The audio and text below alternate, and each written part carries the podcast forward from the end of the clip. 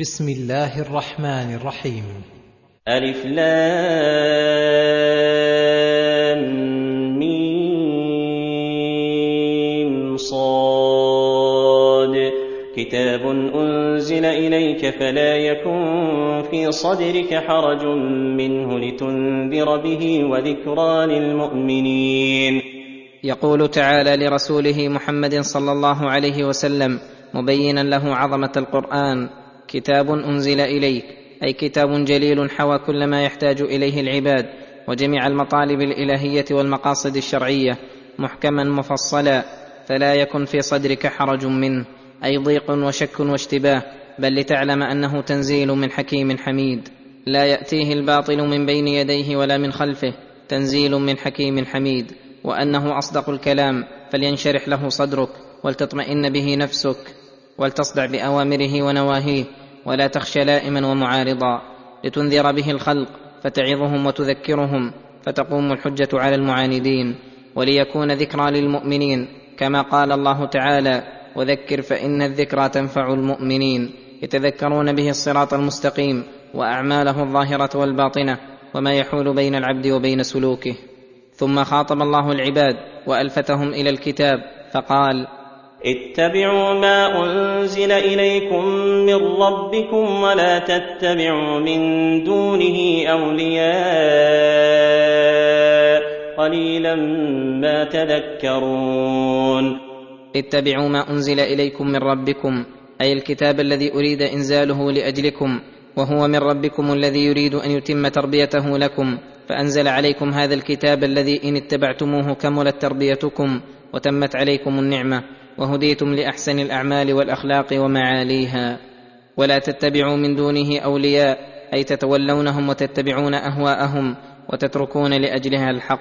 قليلا ما تذكرون فلو تذكرتم وعرفتم المصلحة لما آثرتم الضار على النافع والعدو على الولي.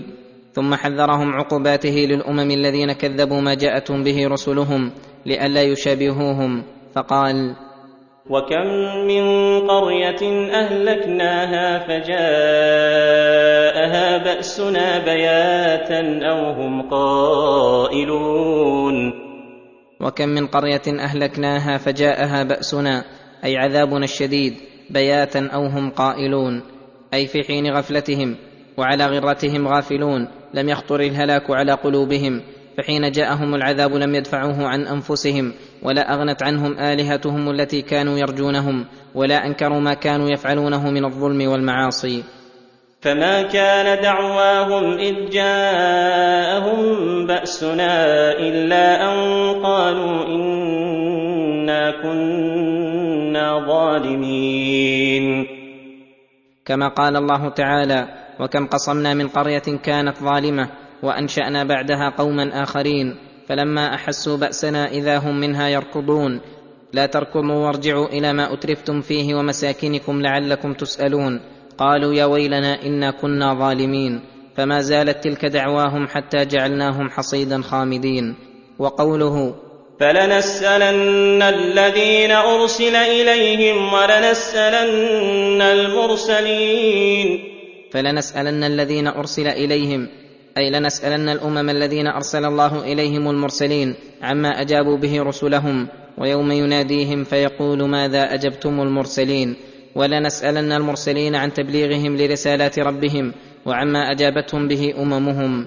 فلنقصن عليهم بعلم وما كنا غائبين.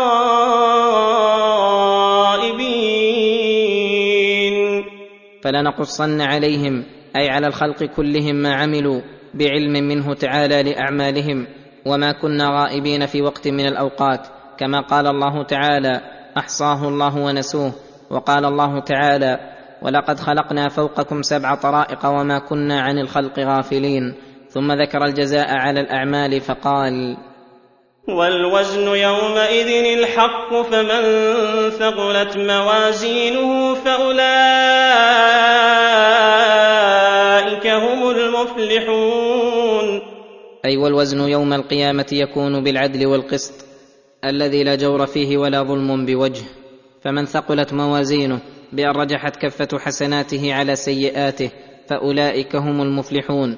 أي الناجون من المكروه المدركون للمحبوب الذي حصل لهم الربح العظيم والسعادة الدائمة. ومن خفت موازينه فأولئك الذين خسروا أنفسهم فأولئك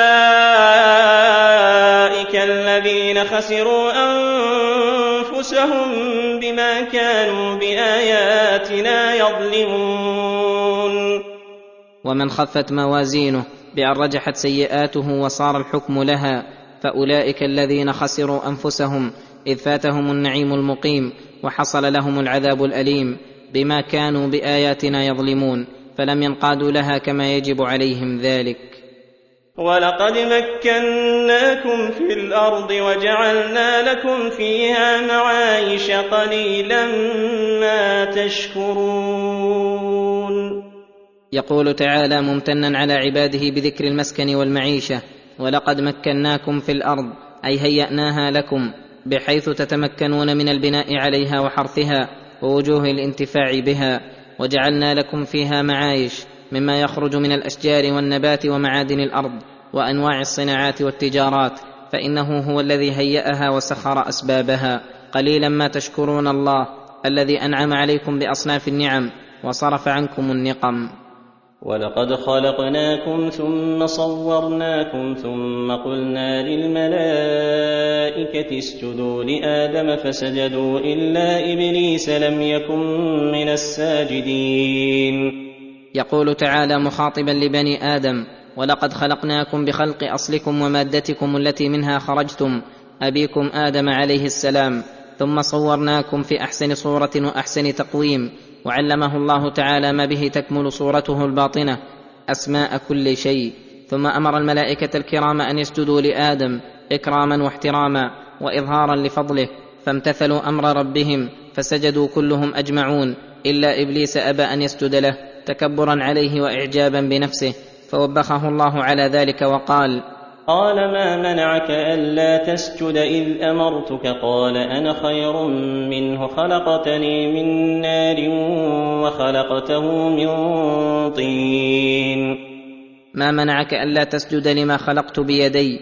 أي شرفته وفضلته بهذه الفضيلة التي لم تكن لغيره فعصيت أمري وتهونت بي.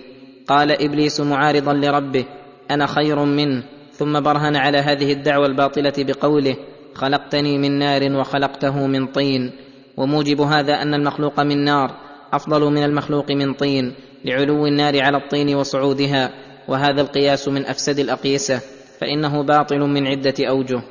منها أنه في مقابلة أمر الله له بالسجود والقياس إذا عارض النص فإنه قياس باطل لأن المقصود بالقياس أن يكون الحكم الذي لم يأت فيه نص يقارب الأمور المنصوص عليها ويكون تابعا لها. فأما قياس يعارضها ويلزم من اعتباره إلغاء النصوص فهذا القياس من اشنع الأقيسة. ومنها أن قوله أنا خير منه بمجردها كافية لنقص إبليس الخبيث فإنه برهن على نقصه بإعجابه بنفسه وتكبره والقول على الله بلا علم وأي نقص أعظم من هذا. ومنها أنه كذب في تفضيل مادة النار على مادة الطين والتراب فإن مادة الطين فيها الخشوع والسكون والرزانة ومنها تظهر بركات الأرض من الأشجار وأنواع النبات على اختلاف أجناسه وأنواعه وأما النار ففيها الخفة والطيش والإحراق. ولهذا لما جرى من إبليس ما جرى انحط من مرتبته العالية إلى أسفل السافلين فقال الله له قال فاهبط منها فما يكون لك أن تتكبر فيها فاخرج إنك من الصاغرين. فاهبط منها أي من الجنة فما يكون لك أن تتكبر فيها لأنها دار الطيبين الطاهرين. فلا تليق بأخبث خلق الله وأشرهم. فاخرج إنك من الصاغرين أي المهانين الأذلين جزاء على كبره وعجبه بالإهانة والذل. قال أنظرني إلى يوم يبعثون. قال إنك من المنظرين. فلما أعلن عدو الله بعداوة الله وعداوة آدم وذريته سأل الله النظره والإمهال إلى يوم البعث ليتمكن من إغواء ما يقدر عليه من بني آدم ولما كانت حكمة الله مقتضية لابتلاء العباد واختبارهم ليتبين الصادق من الكاذب ومن يطيعه ممن يطيع عدوه أجابه لما سأل فقال إنك من المنظرين. قال فبما أغويتني لأقعدن لهم صراطك المستقيم. أي قال إبليس لما أبلس وأيس من رحمة الله فبما أغويتني لأقعدن لهم أي للخلق صراطك المستقيم. أي لألزمن الصراط ولأسعى غاية جهدي على صد الناس عنه وعدم سلوكهم إياه.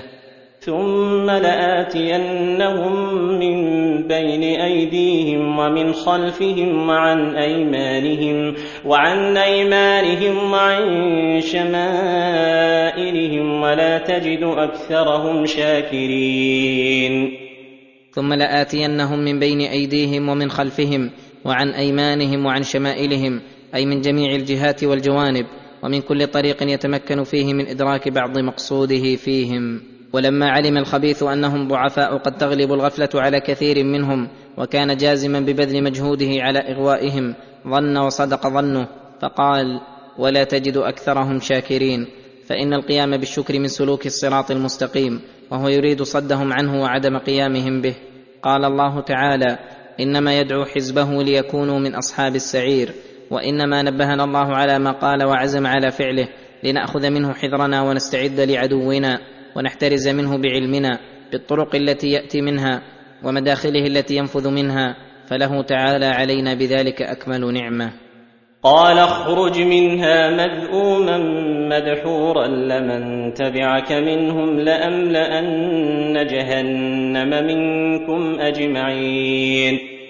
أي قال الله لإبليس لما قال ما قال اخرج منها خروج صغار واحتقار لا خروج إكرام بل مذءوما أي مذموما مدحورا مبعدا عن الله وعن رحمته وعن كل خير. لأملأن جهنم منك وممن تبعك منهم أجمعين. وهذا قسم منه تعالى أن النار دار العصاة. لا بد أن يملأها من إبليس وأتباعه من الجن والإنس. ثم حذر آدم شره وفتنته فقال ويا آدم اسكن أنت وزوجك الجنة فكلا من حيث شئتما ولا تقربا هذه الشجرة فتكونا من الظالمين. أي أمر الله تعالى آدم وزوجته حواء التي أنعم الله بها عليه ليسكن إليها أن يأكلا من الجنة حيث شاء ويتمتعا فيها بما أرادا إلا أنه عين لهما شجرة ونهاهما عن أكلها. والله أعلم ما هي. وليس في تعيينها فائدة لنا وحرم عليهما أكلها بدليل قوله فتكونا من الظالمين فلم يزالا ممتثلين لأمر الله حتى تغلغل إليهما عدوهما إبليس بمكره. فوسوس لهما الشيطان ليبدي لهما ما وري عنهما من سوآتهما وقال ما نهاكما ربكما عن هذه الشجرة إلا أن تكونا ملكين أو تكونا من الخالدين. فوسوس لهما وسوسة خدعهما بها وموه عليهما وقال ما نهاكما ربكما عن هذه الشجرة إلا أن تكونا ملكين. أي من جنس الملائكة أو تكون من الخالدين كما قال في الآية الأخرى هل أدلك على شجرة الخلد وملك لا يبلى؟ ومع قوله هذا أقسم لهما بالله. وقاسمهما إني لكما لمن الناصحين. إني لكما لمن الناصحين أي من جملة الناصحين حيث قلت لكما ما قلت فاغترا بذلك وغلبت الشهوة في تلك الحال على العقل. فدلاهما بغرور فلما ذاقا الشجرة بدت لهما سوآتهما وطفقا يخصفان عليهما من ورق الجنة وناداهما ربهما ألم أنهكما عن تلكما الشجرة وأقل لكما إن الشيطان لكما عدو مبين فدلاهما أي نزلهما عن رتبتهما العالية التي هي البعد عن الذنوب والمعاصي إلى التلوث بأوضارها فأقدما على أكلها. فلما ذاق الشجرة بدت لهما سوآتهما أي ظهرت عورة كل منهما بعدما كانت مستورة فصار العري الباطن من التقوى في هذه الحال أثر في اللباس الظاهر حتى انخلع فظهرت عوراتهما ولما ظهرت عوراتهما خجلا وجعلا يخصفان على عوراتهما من أوراق شجر الجنة ليستترا بذلك وناداهما ربهما وهما بتلك الحال موبخا ومعاتبا ألم أنهكما عن تلكما الشجرة؟ وأقل لكما إن الشيطان لكما عدو مبين فلم اقترفتما المنهي وأطعتما عدوكما؟ فحينئذ من الله عليهما بالتوبة وقبولها فاعترفا بالذنب وسألا من الله مغفرته فقالا قالا ربنا ظلمنا أنفسنا وإن لم تغفر لنا وترحمنا لنكونن من الخاسرين. قالا ربنا ظلمنا أنفسنا وإن لم تغفر لنا وترحمنا لنكونن من الخاسرين. ربنا ظلمنا أنفسنا وإن لم تغفر لنا وترحمنا لنكونن من الخاسرين.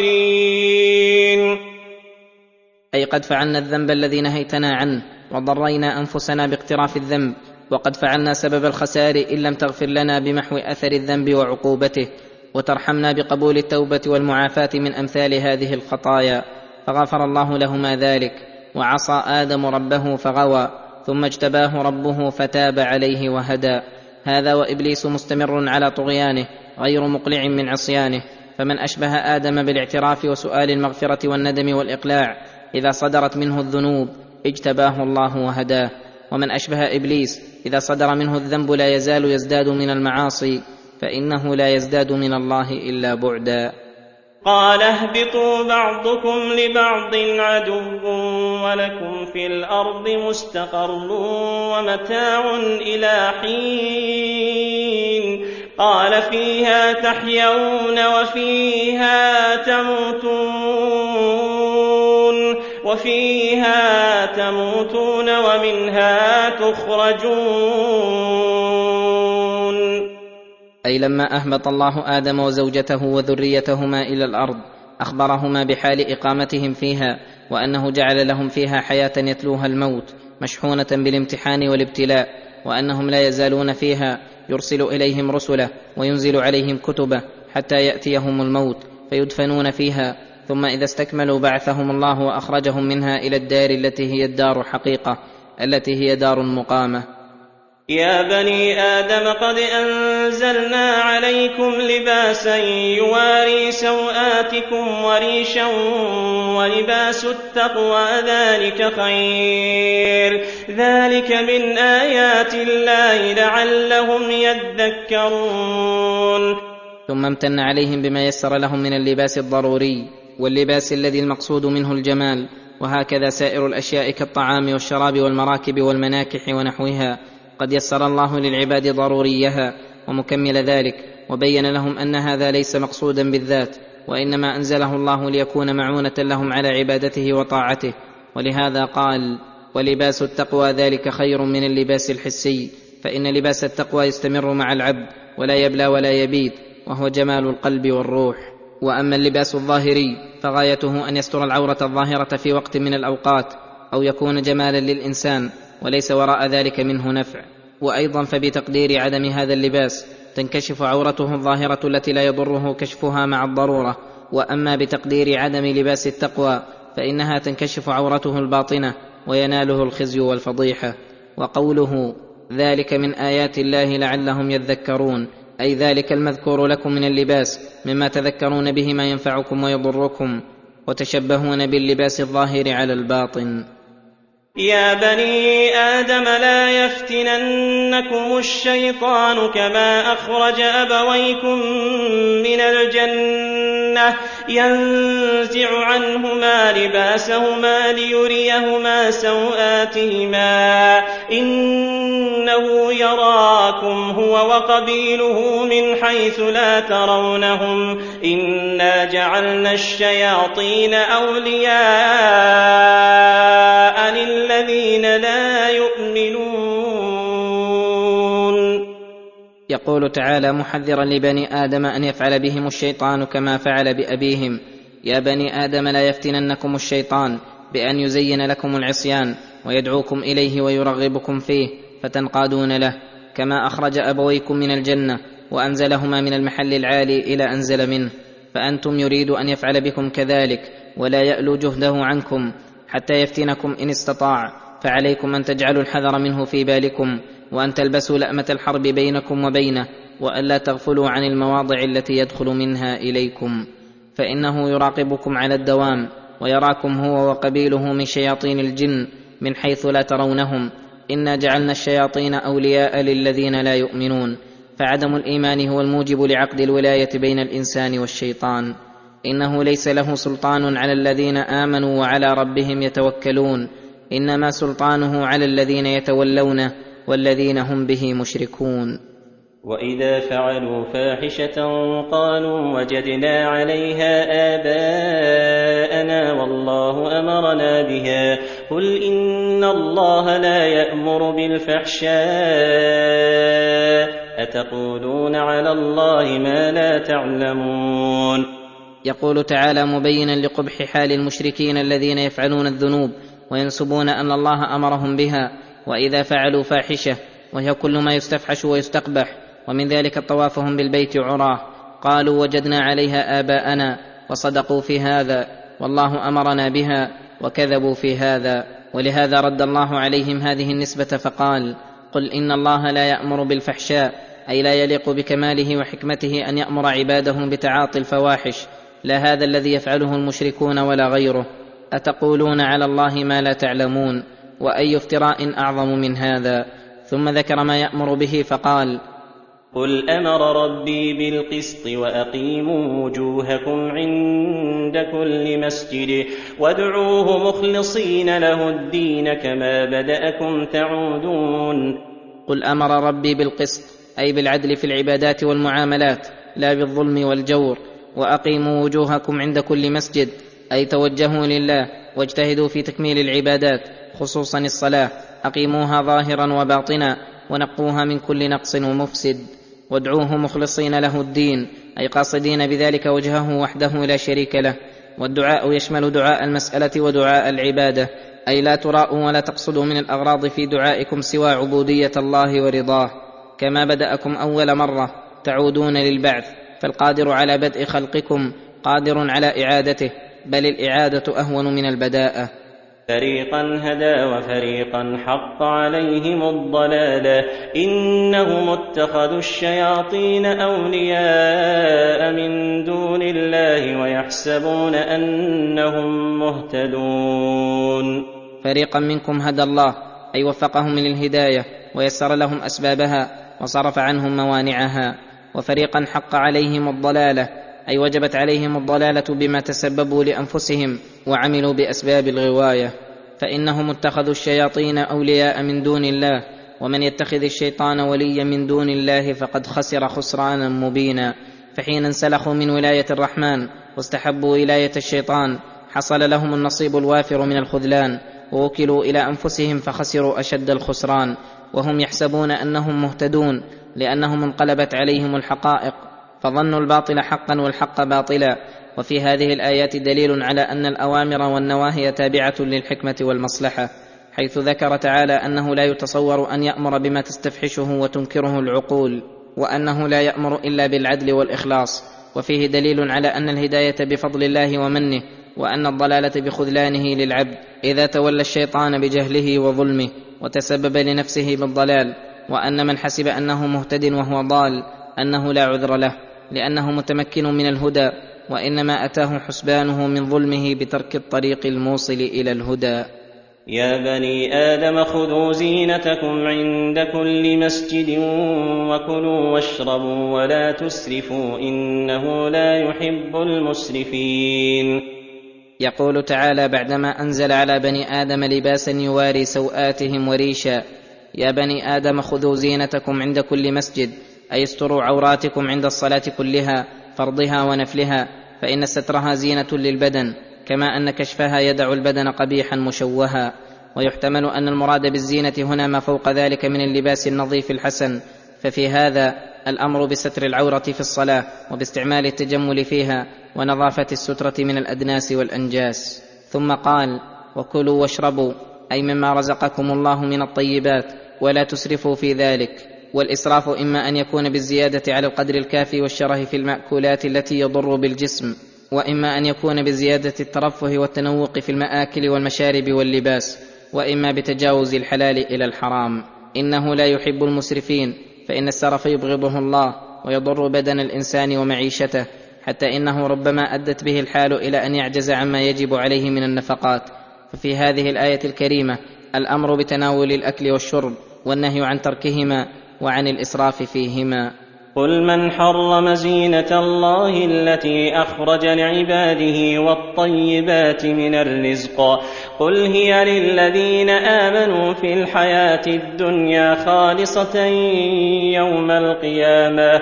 كذلك نفصل الآيات لقوم يعلمون. يقول تعالى منكرا على من تعنت وحرم ما أحل الله من الطيبات. قل من حرم زينة الله التي أخرج لعباده من أنواع اللباس على اختلاف أصنافه والطيبات من الرزق من مأكل ومشرب بجميع أنواعه أي من هذا الذي يقدم على تحريم ما أنعم الله بها على العباد ومن ذا الذي يضيق عليهم ما وسعه الله. وهذا التوسيع من الله لعباده بالطيبات جعله لهم ليستعينوا به على عبادته فلم يبحه إلا لعباده المؤمنين. ولهذا قال قل هي للذين آمنوا في الحياة الدنيا خالصة يوم القيامة أي لا تبعة عليهم فيها ومفهوم الآية أن من لم يؤمن بالله بل استعان بها على معاصيه فإنها غير خالصة له ولا مباحة بل يعاقب عليها وعلى التنعم بها ويسأل عن النعيم يوم القيامة. كذلك نفصل الآيات أي نوضحها ونبينها لقوم يعلمون لأنهم الذين ينتفعون بما فصله الله من الآيات ويعلمون أنها من عند الله فيعقلونها ويفهمونها ثم ذكر المحرمات التي حرمها الله في كل شريعة من الشرائع فقال قل إنما حرم ربي الفواحش ما ظهر منها وما بطن والإثم والبغي بغير الحق وأن تشركوا بالله ما لم ينزل به سلطانا وأن تقولوا على الله ما لا تعلمون. قل إنما حرم ربي الفواحش أي الذنوب الكبار التي تستفحش وتستقبح لشناعتها وقبحها وذلك كالزنا واللواط ونحوهما. وقوله ما ظهر منها وما بطن أي الفواحش التي تتعلق بحركات البدن والتي تتعلق بحركات القلوب كالكبر والعجب والرياء والنفاق ونحو ذلك والإثم والبغي بغير الحق أي الذنوب التي تؤثم وتوجب العقوبة في حقوق الله. والبغي على الناس في دمائهم وأموالهم وأعراضهم فدخل في هذا الذنوب المتعلقة بحق الله والمتعلقة بحق العباد. وأن تشركوا بالله ما لم ينزل به سلطانا أي حجة بل أنزل الحجة والبرهان على التوحيد. والشرك هو أن يشرك مع الله في عبادته أحد من الخلق. وربما دخل في هذا الشرك الأصغر كالرياء والحلف بغير الله ونحو ذلك. وأن تقولوا على الله ما لا تعلمون في أسمائه وصفاته وأفعاله وشرعه. فكل هذه قد حرمها الله ونهى العباد عن تعاطيها لما فيها من المفاسد الخاصة والعامة ولما فيها من الظلم والتجري على الله والاستطالة على عباد الله وتغيير دين الله وشرعه. ولكل أمة أجل فإذا جاء أجلهم لا يستأخرون ساعة ولا يستقدمون. أي وقد أخرج الله بني آدم إلى الأرض وأسكنهم فيها وجعل لهم أجلا مسمى لا تتقدم أمة من الأمم على وقتها المسمى ولا تتأخر لا الأمم المجتمعة ولا أفرادها. يا بني آدم إما يأتينكم رسل منكم يقصون عليكم آياتي فمن اتقى وأصلح فلا خوف عليهم ولا هم يحزنون. لما أخرج الله بني آدم من الجنة ابتلاهم بإرسال الرسل وإنزال الكتب عليهم يقصون عليهم آيات الله ويبينون لهم أحكامه. ثم ذكر فضل من استجاب لهم وخسار من لم يستجب لهم فقال فمن اتقى ما حرم الله من الشرك والكبائر والصغائر وأصلح أعماله الظاهرة والباطنة فلا خوف عليهم من الشر الذي قد يخافه غيرهم ولا هم يحزنون على ما مضى وإذا انتفى الخوف والحزن حصل الأمن التام والسعادة والفلاح الأبدي. والذين كذبوا بآياتنا واستكبروا عنها أولئك أصحاب النار هم فيها خالدون. والذين كذبوا بآياتنا واستكبروا عنها أي لا آمنت بها قلوبهم ولا انقادت لها جوارحهم أولئك أصحاب النار هم فيها خالدون. كما استهانوا بآياته ولازموا التكذيب بها أهينوا بالعذاب الدائم الملازم.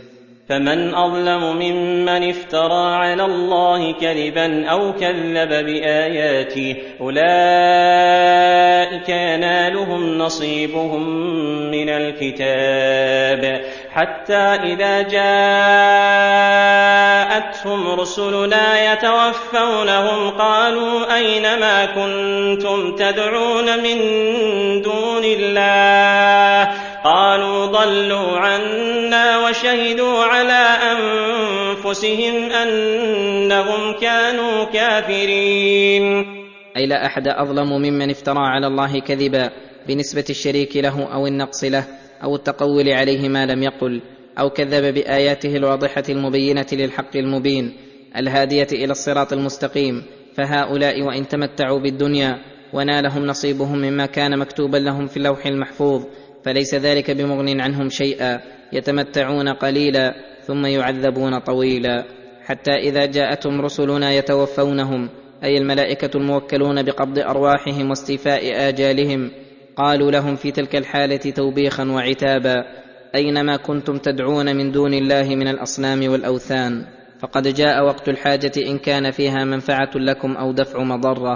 قالوا ضلوا عنا أي اضمحلوا وبطلوا. وليسوا مغنين عنا من عذاب الله من شيء وشهدوا على أنفسهم أنهم كانوا كافرين مستحقين للعذاب المهين الدائم.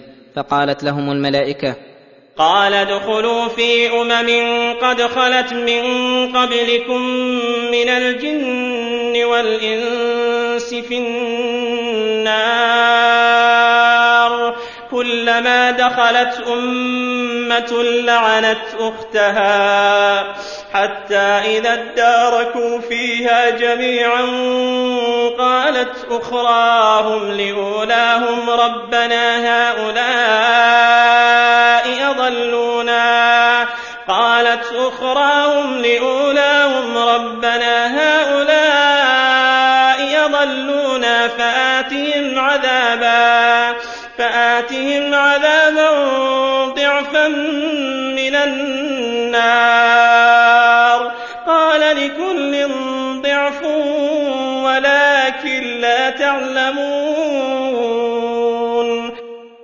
ادخلوا في أمم أي في جملة أمم قد خلت من قبلكم من الجن والإنس أي مضوا على ما مضيتم عليه من الكفر والاستكبار فاستحق الجميع الخزي والبوار.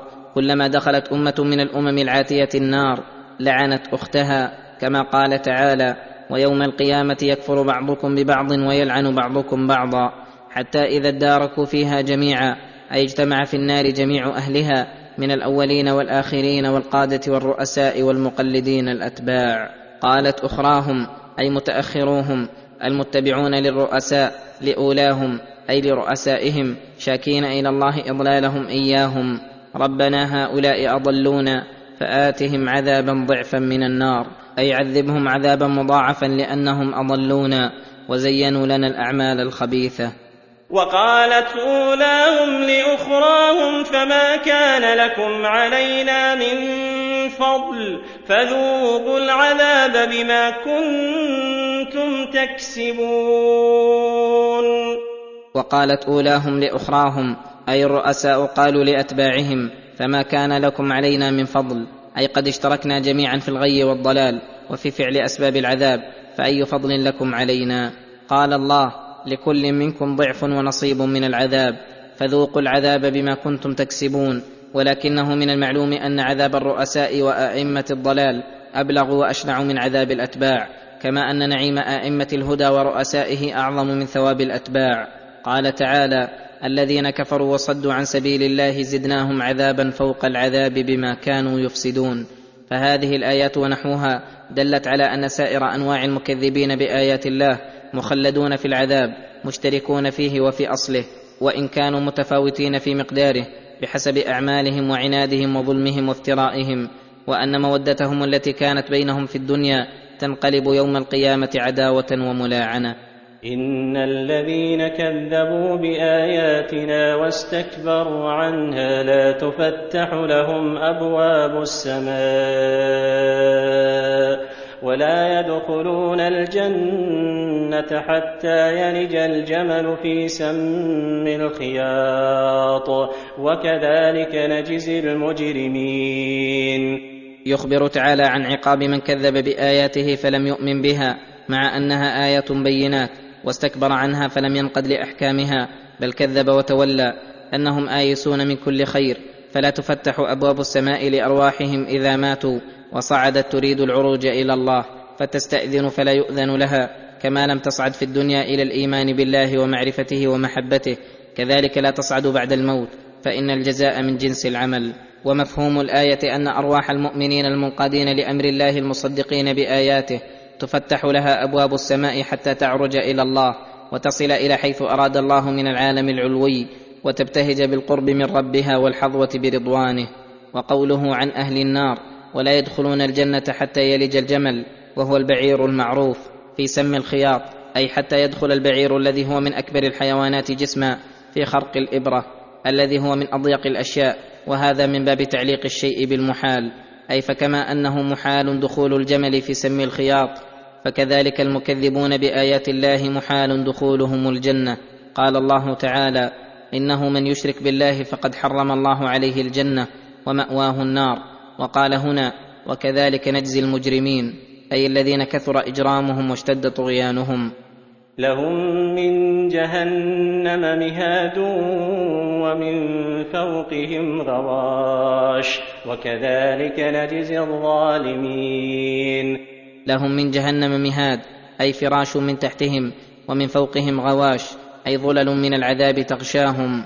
وكذلك نجزي الظالمين لأنفسهم جزاء وفاقا. وما ربك بظلام للعبيد والذين امنوا وعملوا الصالحات لا نكلف نفسا الا وسعها اولئك اصحاب الجنه هم فيها خالدون لما ذكر الله تعالى عقاب العاصين الظالمين ذكر ثواب المطيعين فقال والذين امنوا بقلوبهم وعملوا الصالحات بجوارحهم فجمعوا بين الإيمان والعمل بين الأعمال الظاهرة والأعمال الباطنة بين فعل الواجبات وترك المحرمات. ولما كان قوله وعملوا الصالحات لفظا عاما يشمل جميع الصالحات الواجبة والمستحبة وقد يكون بعضها غير مقدور للعبد. قال تعالى لا نكلف نفسا إلا وسعها أي بمقدار ما تسعه طاقتها ولا يعسر على قدرتها. فعليها في هذه الحال أن تتقي الله بحسب استطاعتها وإذا عجزت عن بعض الواجبات التي يقدر عليها غيرها سقطت عنها. كما قال الله تعالى لا يكلف الله نفسا إلا وسعها لا يكلف الله نفسا إلا ما آتاها ما جعل عليكم في الدين من حرج فاتقوا الله ما استطعتم فلا واجب مع العجز ولا محرم مع الضرورة. أولئك أي المتصفون بالإيمان والعمل الصالح أصحاب الجنة هم فيها خالدون. أي لا يحولون عنها ولا يبغون بها بدلا لأنهم يرون فيها من أنواع اللذات وأصناف المشتهيات ما تقف عنده الغايات ولا يطلب أعلى منه. ونزعنا ما في صدورهم من غل تجري من تحتهم الأنهار.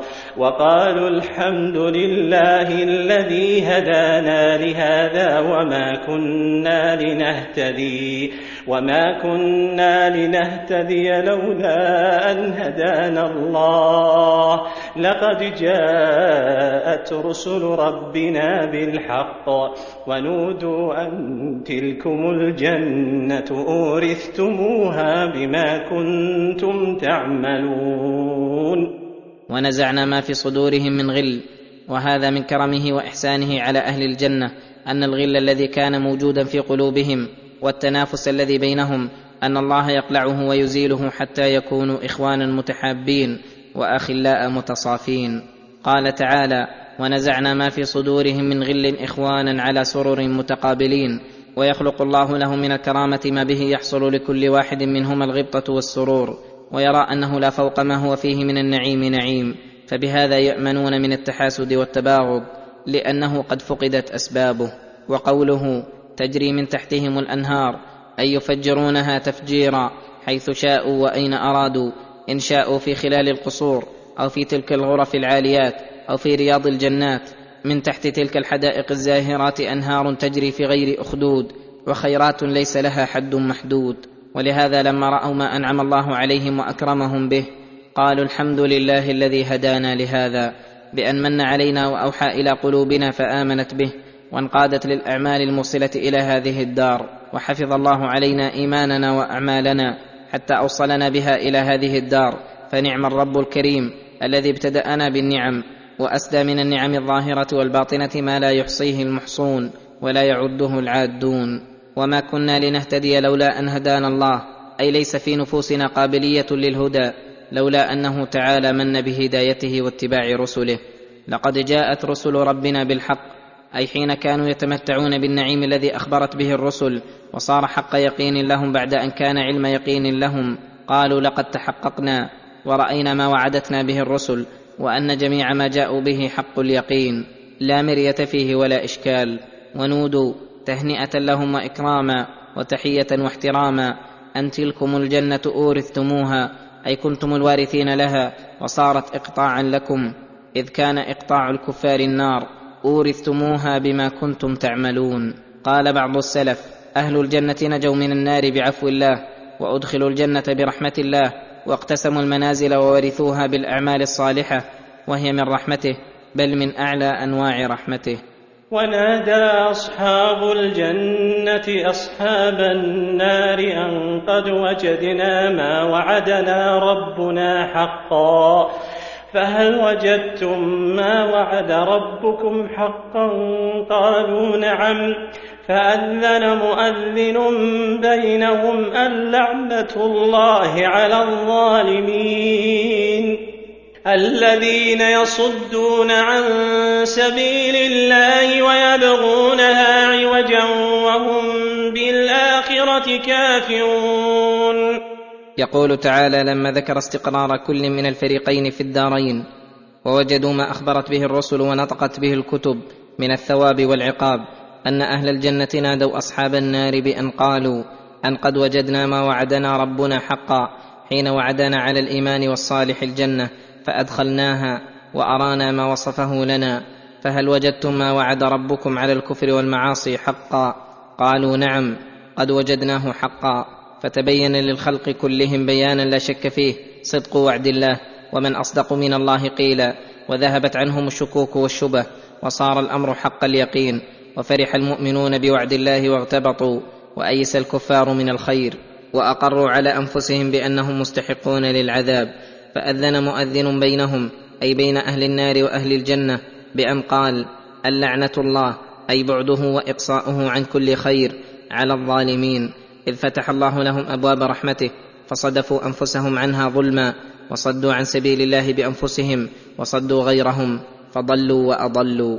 والله تعالى يريد أن تكون مستقيمة ويعتدل سير السالكين إليه وهؤلاء يريدونها عوجا منحرفة صادة عن سواء السبيل. وهم بالآخرة كافرون وهذا الذي أوجب لهم الانحراف عن الصراط والإقبال على شهوات النفس المحرمة عدم إيمانهم بالبعث وعدم خوفهم من العقاب ورجائهم للثواب. ومفهوم هذا النداء أن رحمة الله على المؤمنين وبره شامل لهم وإحسانه متواتر عليهم. وبينهما حجاب وعلى الأعراف رجال يعرفون كلا بسيماهم. ونادوا أصحاب الجنة أن سلام عليكم لم يدخلوها وهم يطمعون. ونادوا أصحاب الجنة أن سلام عليكم لم يدخلوها وهم يطمعون.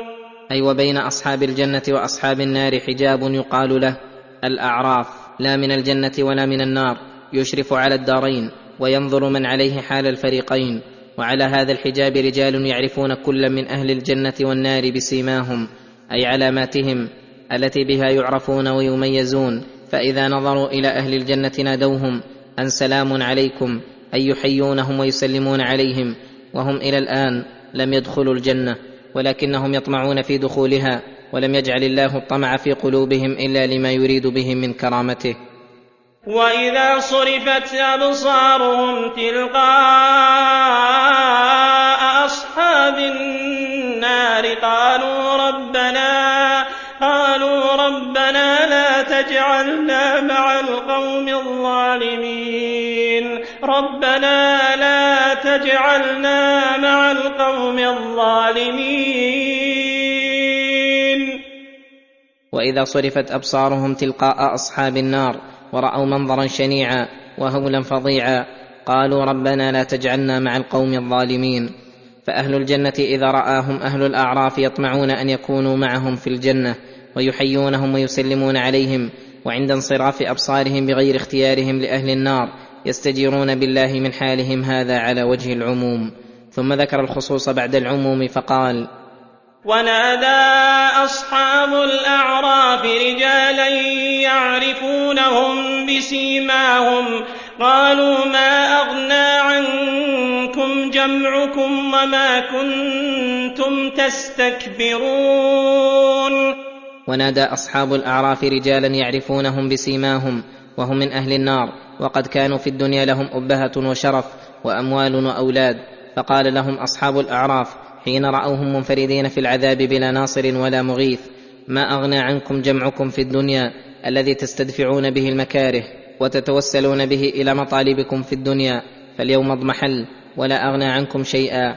وكذلك أي شيء نفعكم استكباركم على الحق وعلى من جاء به وعلى من اتبعه. ثم أشاروا لهم إلى أناس من أهل الجنة كانوا في الدنيا فقراء ضعفاء يستهزئ بهم أهل النار. فقالوا لأهل النار الذين أقسمتم لا ينالهم الله برحمة. ادخلوا الجنة لا خوف عليكم ولا أنتم تحزنون. أهؤلاء الذين أقسمتم لا ينالهم الله برحمة. ادخلوا الجنة لا خوف عليكم ولا أنتم تحزنون. أهؤلاء الذين أدخلهم الله الجنة الذين أقسمتم لا ينالهم الله برحمة. احتقارا لهم وازدراء وإعجابا بأنفسكم. قد حنثتم في أيمانكم وبدا لكم من الله ما لم يكن لكم في حساب. ادخلوا الجنة بما كنتم تعملون. أي قيل لهؤلاء الضعفاء إكراما واحتراما ادخلوا الجنة بأعمالكم الصالحة لا خوف عليكم فيما يستقبل من المكاره ولا أنتم تحزنون على ما مضى بل آمنون مطمئنون فرحون بكل خير. وهذا كقوله تعالى إن الذين أجرموا كانوا من الذين آمنوا يضحكون وإذا مروا بهم يتغامزون. إلى أن قال فاليوم الذين آمنوا من الكفار يضحكون. على الأرائك ينظرون واختلف أهل العلم والمفسرون من هم أصحاب الأعراف وما أعمالهم. والصحيح في ذلك أنهم قوم تساوت حسناتهم وسيئاتهم فلا رجحت سيئاتهم فدخلوا النار ولا رجحت حسناتهم فدخلوا الجنة. فصاروا في الأعراف ما شاء الله ثم إن الله تعالى يدخلهم برحمته الجنة فإن رحمته تسبق وتغلب غضبه ورحمته وسعت كل شيء. ونادى أصحاب النار أصحاب الجنة أن أفيضوا أن أفيضوا علينا من الماء يوم ما رزقكم الله.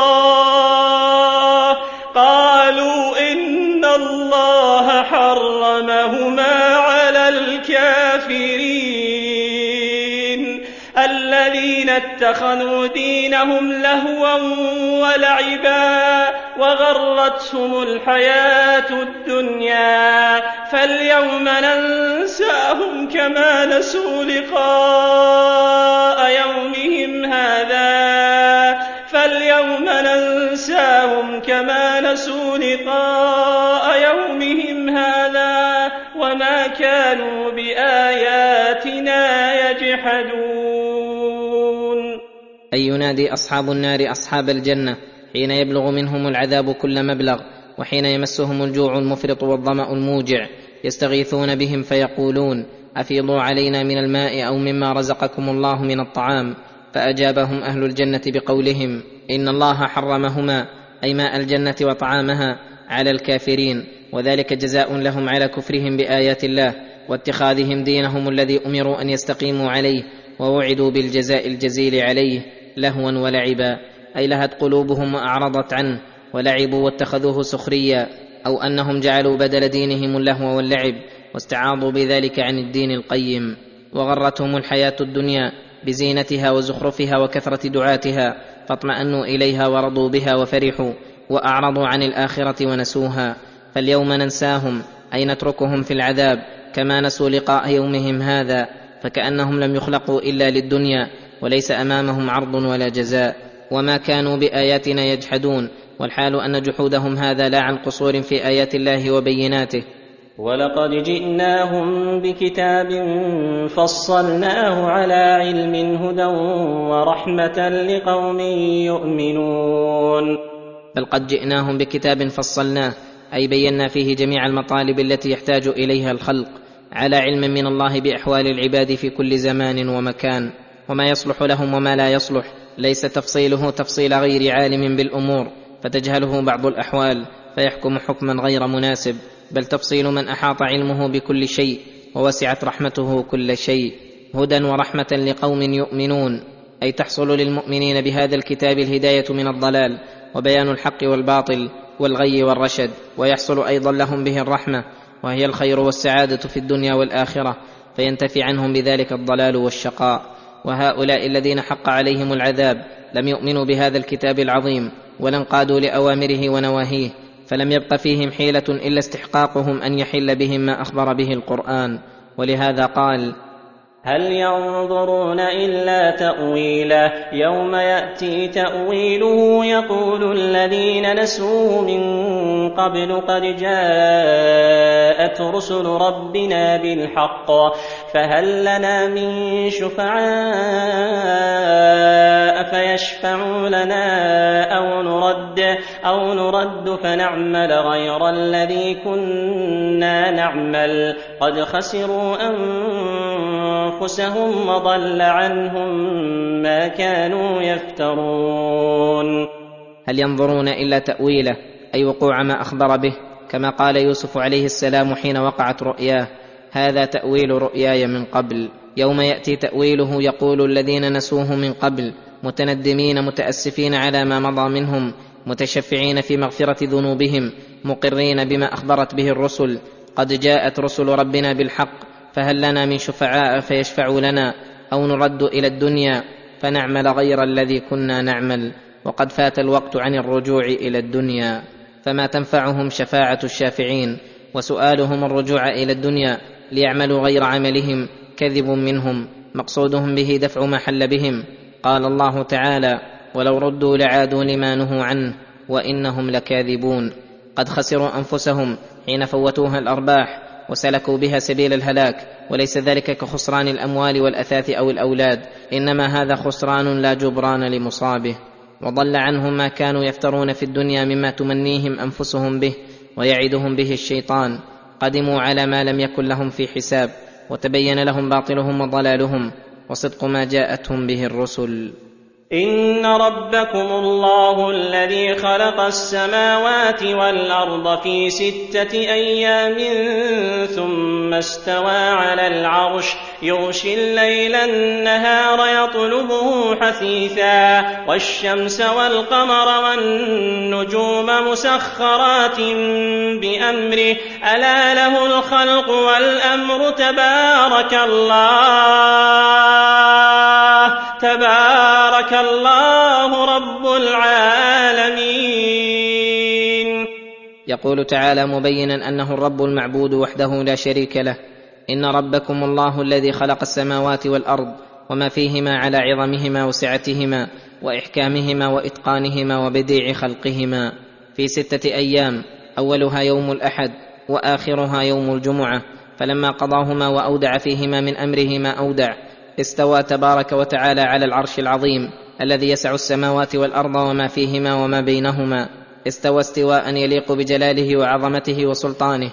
فاستوى على العرش واحتوى على الملك ودبر الممالك وأجرى عليهم أحكامه الكونية وأحكامه الدينية.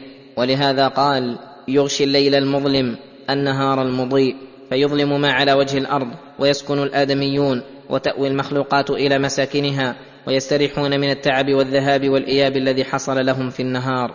يطلبه حثيثا. كلما جاء الليل ذهب النهار وكلما جاء النهار ذهب الليل. وهكذا أبدا على الدوام حتى يطوي الله هذا العالم وينتقل العباد إلى دار غير هذه الدار.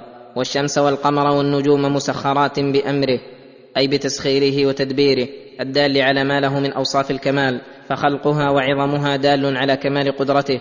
وما فيها من الإحكام والانتظام والإتقان دال على كمال حكمته وما فيها من المنافع والمصالح الضرورية وما دونها دال على سعة رحمته وذلك دال على سعة علمه وأنه الإله الحق الذي لا تنبغي العبادة إلا له. ألا له الخلق والأمر أي له الخلق الذي صدرت عنه جميع المخلوقات علويها وسفليها أعيانها وأوصافها وأفعالها والأمر المتضمن للشرائع والنبوات. فالخلق يتضمن أحكامه الكونية القدرية والأمر يتضمن أحكامه الدينية الشرعية وثم أحكام الجزاء وذلك يكون في دار البقاء. تبارك الله أي عظم وتعالى وكثر خيره وإحسانه فتبارك في نفسه لعظمة أوصافه وكمالها وبارك في غيره بإحلال الخير الجزيل والبر الكثير. فكل بركة في الكون فمن آثار رحمته ولهذا قال تبارك الله رب العالمين. ولما ذكر من عظمته وجلاله ما يدل ذوي الألباب على أنه وحده المعبود المقصود في الحوائج كلها أمر بما يترتب على ذلك فقال ادعوا ربكم تضرعا وخفية إنه لا يحب المعتدين. ادعوا ربكم تضرعا وخفية إنه لا يحب المعتدين. الدعاء يدخل فيه دعاء المسألة ودعاء العبادة فأمر بدعائه تضرعا أي إلحاحا في المسألة ودؤوبا في العبادة وخفية أي لا جهرا وعلانية يخاف منها الرياء بل خفية وإخلاصا لله تعالى. إنه لا يحب المعتدين أي المتجاوزين للحد في كل الأمور ومن الاعتداء كون العبد يسأل الله مسائل لا تصلح له. أو يتنطع في السؤال أو يبالغ في رفع صوته بالدعاء فكل هذا داخل في الاعتداء المنهي عنه. ولا تفسدوا في الأرض بعد إصلاحها وادعوه خوفا وطمعا إن رحمة الله قريب من المحسنين. وادعوه خوفا وطمعا. إن رحمة الله إن رحمة الله قريب من المحسنين. ولا تفسدوا في الأرض بعمل المعاصي بعد إصلاحها بالطاعات فإن المعاصي تفسد الأخلاق والأعمال والأرزاق. كما قال الله تعالى ظهر الفساد في البر والبحر بما كسبت أيدي الناس كما أن الطاعات تصلح بها الأخلاق والأعمال والأرزاق وأحوال الدنيا والآخرة. وادعوه خوفا وطمعا أي خوفا من عقابه وطمعا في ثوابه طمعا في قبولها وخوفا من ردها.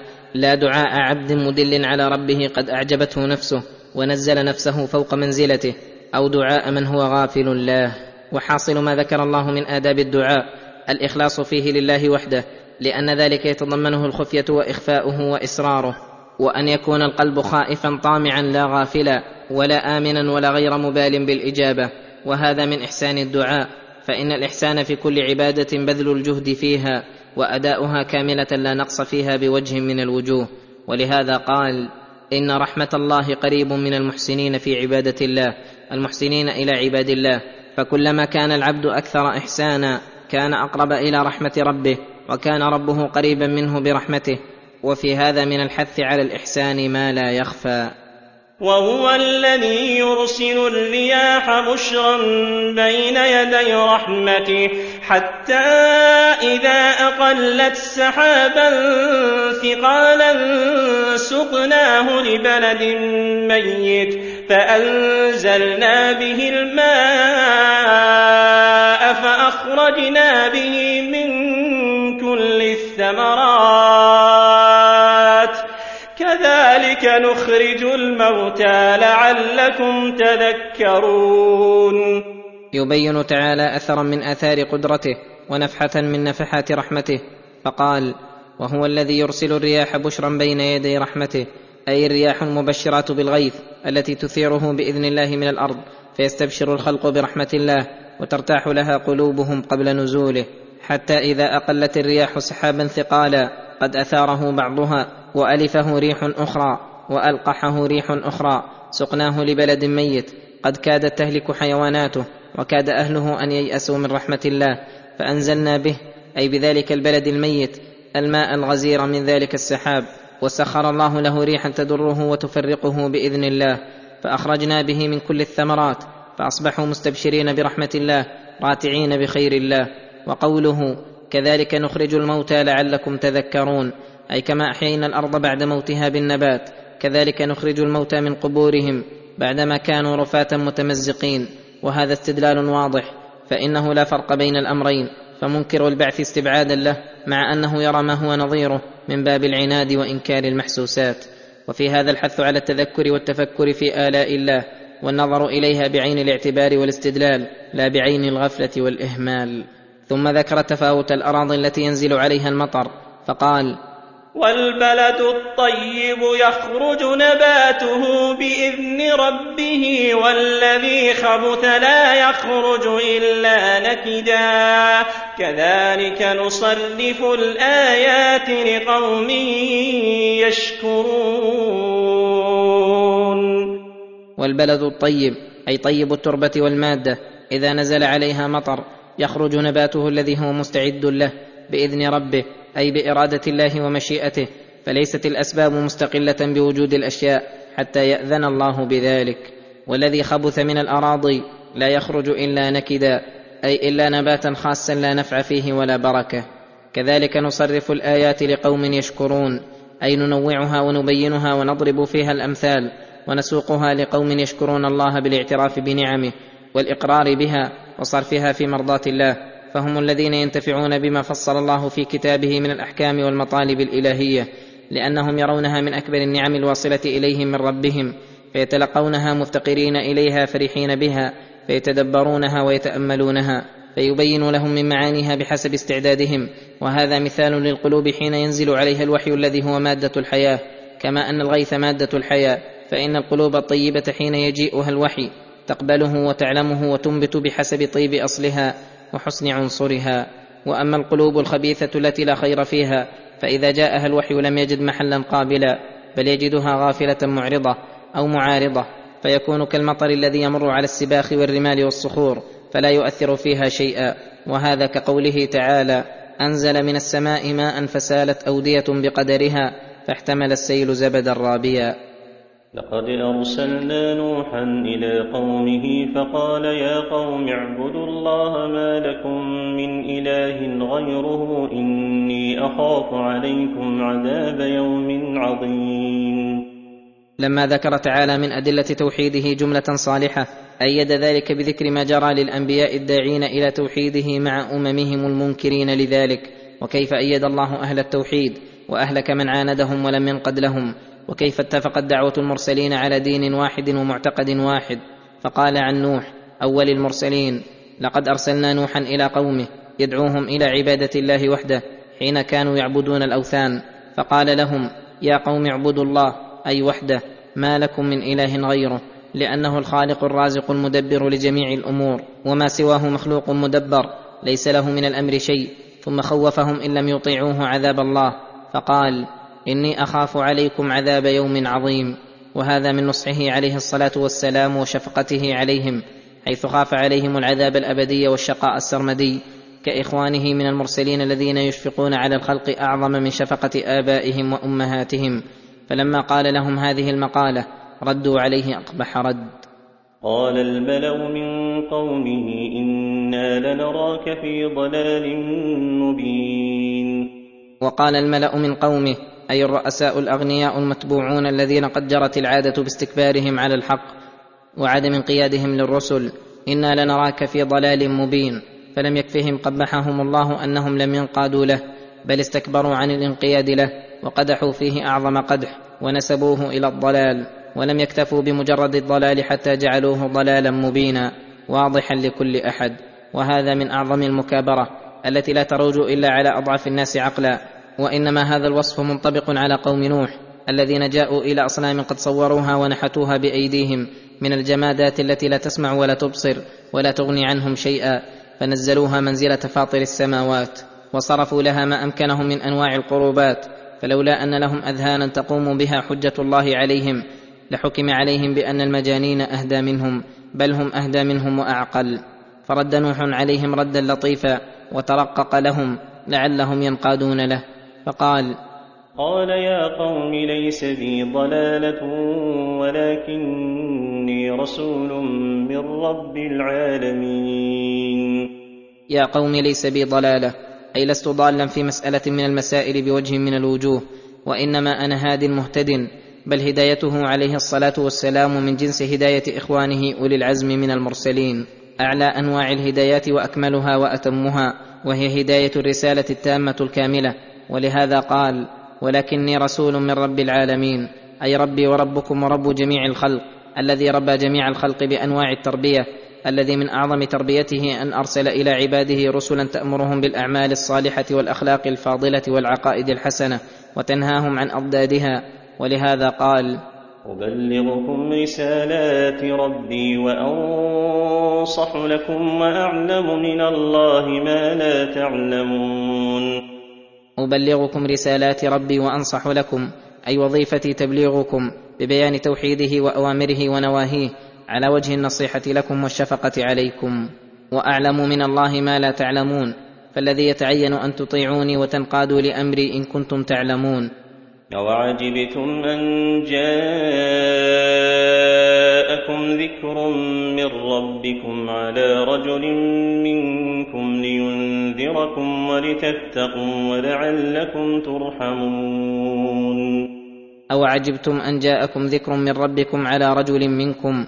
أي كيف تعجبون من حالة لا ينبغي العجب منها؟ وهو أنه جاءكم التذكير والموعظة والنصيحة على يد رجل منكم تعرفون حقيقته وصدقه وحاله. فهذه الحال من عناية الله بكم وبره وإحسانه.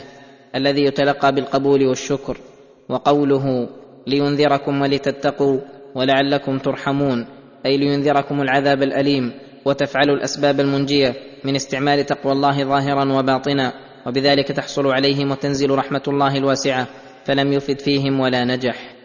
فكذبوه فأنجيناه والذين معه في الفلك وأغرقنا الذين كذبوا بآياتنا.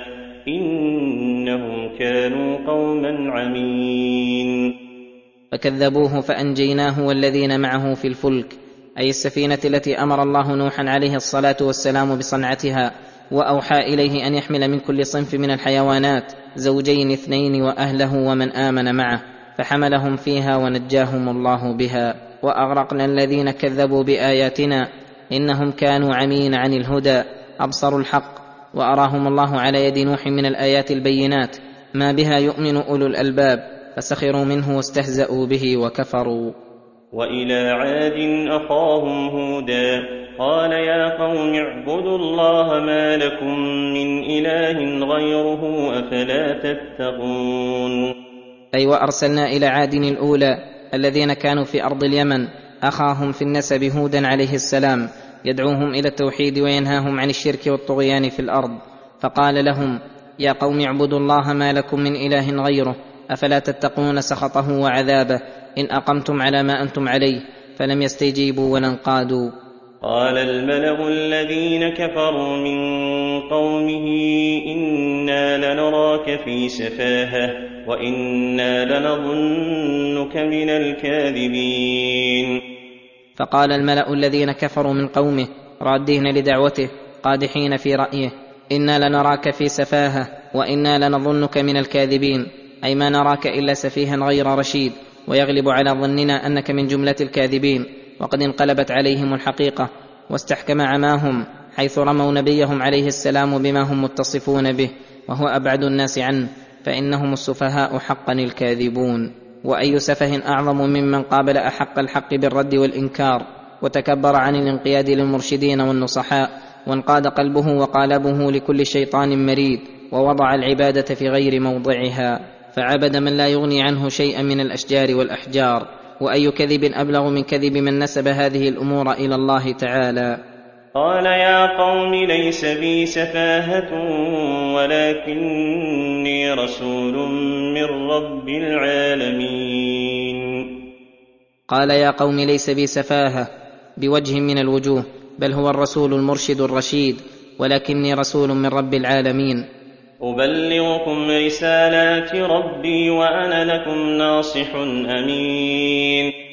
أبلغكم رسالات ربي وأنا لكم ناصح أمين. فالواجب عليكم أن تتلقوا ذلك بالقبول والانقياد وطاعة رب العباد. أوعجبتم أن جاءكم ذكر من ربكم على رجل منكم لينذركم واذكروا إذ جعلكم خلفاء من بعد قوم نوح وزادكم في الخلق بسطة فاذكروا آلاء الله لعلكم تفلحون.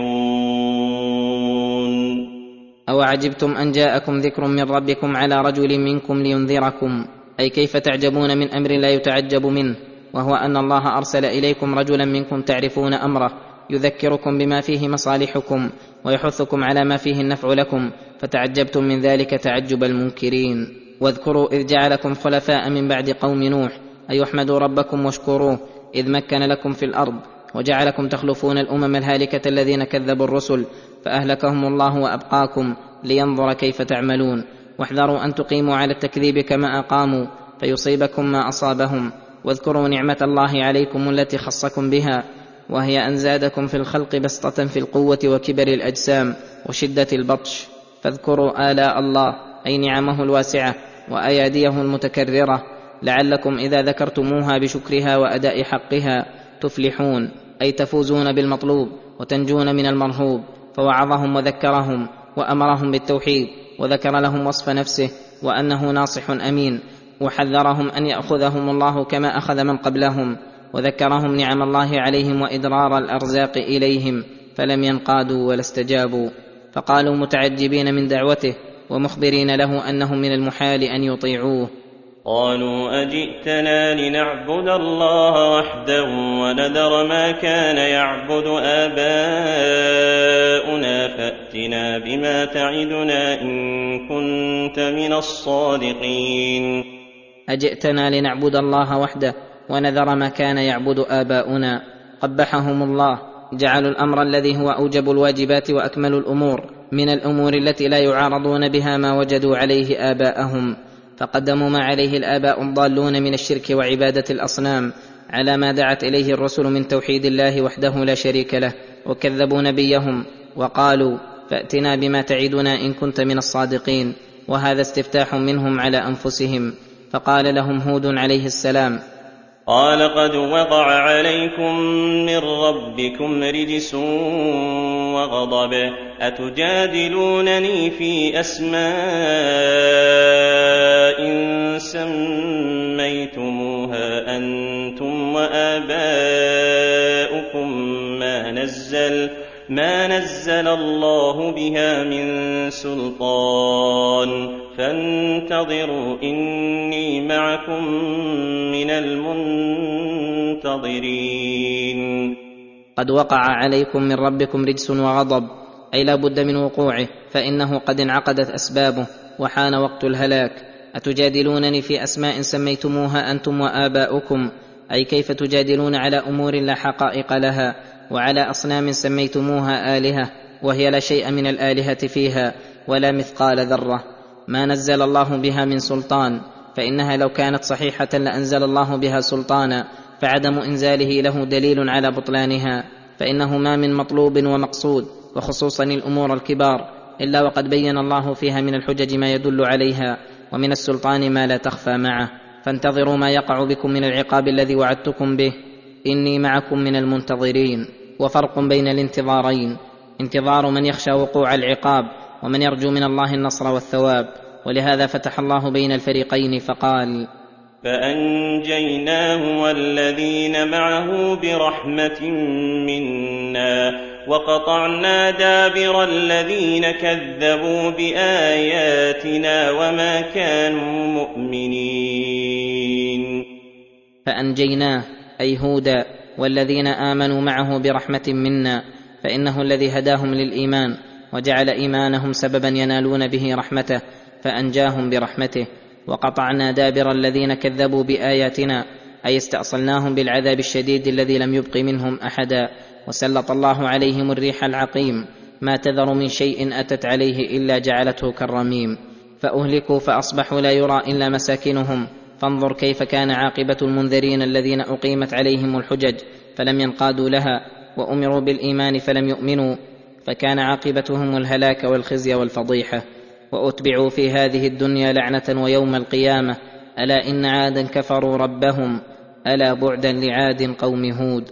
وقال هنا وقطعنا دابر الذين كذبوا بآياتنا وما كانوا مؤمنين بوجه من الوجوه. بل وصفهم التكذيب والعناد ونعتهم الكبر والفساد. وإلى ثمود أخاهم صالحا قال يا قوم اعبدوا الله ما لكم من إله غيره قد جاءتكم بينة من ربكم. هذه ناقة الله. هذه ناقة الله لكم آية فذروها تأكل في أرض الله ولا تمسوها بسوء فيأخذكم عذاب أليم. أي أيوة وأرسلنا إلى ثمود القبيلة المعروفة الذين كانوا يسكنون الحجر وما حوله من أرض الحجاز وجزيرة العرب. أرسل الله إليهم أخاهم صالحا نبيا يدعوهم إلى الإيمان والتوحيد وينهاهم عن الشرك والتنديد. فقال يا قوم اعبدوا الله ما لكم من إله غيره. دعوته عليه الصلاة والسلام من جنس دعوة إخوانه من المرسلين. الأمر بعبادة الله وبيان أنه ليس للعباد إله غير الله. قد جاءتكم بينة من ربكم أي خارق من خوارق العادات التي لا تكون إلا آية سماوية لا يقدر الناس عليها ثم فسرها بقوله هذه ناقة الله لكم آية. أي هذه ناقة شريفة فاضلة لإضافتها إلى الله تعالى إضافة تشريف لكم فيها آية عظيمة وقد ذكر وجه الآية في قوله لها شرب ولكم شرب يوم معلوم. وكان عندهم بئر كبيرة وهي المعروفة ببئر الناقة يتناوبونها هم والناقة. للناقة يوم تشربها ويشربون اللبن من ضرعها ولهم يوم يردونها وتصدر الناقة عنهم. وقال لهم نبيهم صالح عليه السلام فذروها تأكل في أرض الله فلا عليكم من مؤونتها شيء ولا تمسوها بسوء أي بعقر أو غيره فيأخذكم عذاب أليم. واذكروا إذ جعلكم خلفاء من بعد عاد وبوأكم في الأرض تتخذون من سهولها قصورا وتنحتون الجبال بيوتا فاذكروا آلاء الله ولا تعثوا في الأرض مفسدين. واذكروا إذ جعلكم خلفاء في الأرض تتمتعون بها وتدركون مطالبكم من بعد عاد الذين أهلكهم الله وجعلكم خلفاء من بعدهم وبوأكم في الأرض أي مكن لكم فيها وسهل لكم الأسباب الموصلة إلى ما تريدون وتبتغون تتخذون من سهولها قصورا أي الأراضي السهلة التي ليست بجبال تتخذون فيها القصور العالية والأبنية الحصينة وتنحتون الجبال بيوتا كما هو مشاهد إلى الآن من أعمالهم التي في الجبال من المساكن والحجر ونحوها وهي باقية ما بقيت الجبال. فاذكروا آلاء الله أي نعمه وما خولكم من الفضل والرزق والقوة ولا تعثوا في الأرض مفسدين أي لا تخربوا الأرض بالفساد والمعاصي فإن المعاصي تدع الديار العامرة بلاقع وقد أخلت ديارهم منهم وأبقت مساكنهم موحشة بعدهم. قال الملأ الذين استكبروا من قومه للذين استضعفوا لمن آمن منهم اتعلمون أن صالحا مرسل من ربه. قالوا إنا بما أرسل به مؤمنون. قال الملأ الذين استكبروا من قومه أي الرؤساء والأشراف الذين تكبروا عن الحق للذين استضعفوا ولما كان المستضعفون ليسوا كلهم مؤمنين قالوا لمن آمن منهم؟ أتعلمون أن صالحا مرسل من ربه أي أهو صادق أم كاذب؟ فقال المستضعفون إنا بما أرسل به مؤمنون من توحيد الله والخبر عنه وأمره ونهيه. قال الذين استكبروا إنا بالذي آمنتم به كافرون. حملهم الكبر أن لا ينقادوا للحق الذي انقاد له الضعفاء. فعقروا الناقة وعتوا عن أمر ربهم وقالوا يا صالح ائتنا بما تعدنا إن كنت من المرسلين. فعقروا الناقة التي توعدهم إن مسوها بسوء أن يصيبهم عذاب أليم وعتوا عن أمر ربهم أي قسوا عنه واستكبروا عن أمره الذي من عتى عنه أذاقه العذاب الشديد. لا جرم أحل الله بهم من النكال ما لم يحل بغيرهم. وقالوا مع هذه الأفعال متجرئين على الله معجزين له غير مبالين بما فعلوا بل مفتخرين بها. يا صالح ائتنا بما تعدنا إن كنت من الصادقين من العذاب. فقال تمتعوا في داركم ثلاثة أيام ذلك وعد غير مكذوب. فأخذتهم الرجفة فأصبحوا في دارهم جاثمين. فأخذتهم الرجفة فأصبحوا في دارهم جاثمين على ركبهم. قد أبادهم الله وقطع دابرهم. فتولى عنهم وقال يا قوم لقد أبلغتكم رسالة ربي ونصحت لكم ولكن لا تحبون الناصحين. فتولى عنهم صالح عليه السلام حين أحل الله بهم العذاب. وقال مخاطبا لهم توبيخا وعتابا بعدما أهلكهم الله يا قوم لقد أبلغتكم رسالة ربي ونصحت لكم أي جميع ما أرسلني الله به إليكم قد أبلغتكم به وحرصت على هدايتكم واجتهدت في سلوككم الصراط المستقيم والدين القويم ولكن لا تحبون الناصحين بل رددتم قول النصحاء وأطعتم كل شيطان مريد واعلم أن كثيرا من المفسرين يذكرون في هذه القصة أن الناقة قد خرجت من صخرة صماء ملساء اقترحوها على صالح وأنها تمخضت تمخض الحامل فخرجت الناقة وهم ينظرون وأن لها فصيلا حين عقروها رغى ثلاث رغيات وانفلق له الجبل ودخل فيه وأن صالحا عليه السلام قال لهم آية نزول العذاب بكم أن تصبحوا في اليوم الأول من الأيام الثلاثة ووجوهكم مصفرة واليوم الثاني محمرة. والثالث مسودة فكان كما قال. وكل هذا من الإسرائيليات التي لا ينبغي نقلها في تفسير كتاب الله وليس في القرآن ما يدل على شيء منها بوجه من الوجوه. بل لو كانت صحيحة لذكرها الله تعالى لأن فيها من العجائب والعبر والآيات ما لا يهمله تعالى ويدع ذكره حتى يأتي من طريق من لا يوثق بنقله. بل القرآن يكذب بعض هذه المذكورات فإن صالحا قال لهم تمتعوا في داركم ثلاثة أيام. أي تنعموا وتلذذوا بهذا الوقت القصير جدا فإنه ليس لكم من المتاع واللذة سوى هذا. وأي لذة وتمتع لمن وعدهم نبيهم وقوع العذاب وذكر لهم وقوع مقدماته فوقعت يوما فيوما على وجه يعمهم ويشملهم احمرار وجوههم واصفرارهم وسودادها من العذاب. هل هذا إلا مناقض للقرآن ومضاد له؟ فالقرآن فيه الكفاية والهداية عما سواه. نعم لو صح شيء عن رسول الله صلى الله عليه وسلم مما لا يناقض كتاب الله تعالى فعلى الرأس والعين وهو مما أمر القرآن باتباعه وما آتاكم الرسول فخذوه وما نهاكم عنه فانتهوا. وقد تقدم أنه لا يجوز تفسير كتاب الله بالأخبار الإسرائيلية ولو على تجويز الرواية عنه بالأمور التي لا يجزم بكذبها. فإن معاني كتاب الله يقينية وتلك أمور لا تصدق ولا تكذب فلا يمكن اتفاقهما. ولوطا إذ قال لقومه أتأتون الفاحشة ما سبقكم بها من أحد من العالمين؟ أي واذكر عبدنا لوطا عليه الصلاة والسلام إذ أرسلناه إلى قومه يأمرهم بعبادة الله وحده وينهاهم عن الفاحشة التي ما سبقهم بها أحد من العالمين. فقال أتأتون الفاحشة؟ أي الخصلة التي بلغت في العظم والشناعة إلى أن استغرقت أنواع الفحش ما سبقكم بها من أحد من العالمين. فكونها فاحشة من أشنع الأشياء وكونهم ابتدعوها وابتكروها وسنوها لمن بعدهم من أشنع ما يكون أيضا. ثم بينها بقوله إنكم لتأتون الرجال شهوة من دون النساء بل أنتم قوم مسرفون. إنكم لتأتون الرجال شهوة من دون النساء أي كيف تذرون النساء اللاتي خلقهن الله لكم؟ وفيهن المستمتع الموافق للشهوة والفطرة وتقبلون على أدبار الرجال التي هي غاية ما يكون في الشناعة والخبث. محل تخرج منه الأنتان والأخباث التي يستحيا من ذكرها فضلا عن ملامستها وقربها. بل أنتم قوم مسرفون أي متجاوزون لما حده الله متجرئون على محارمه.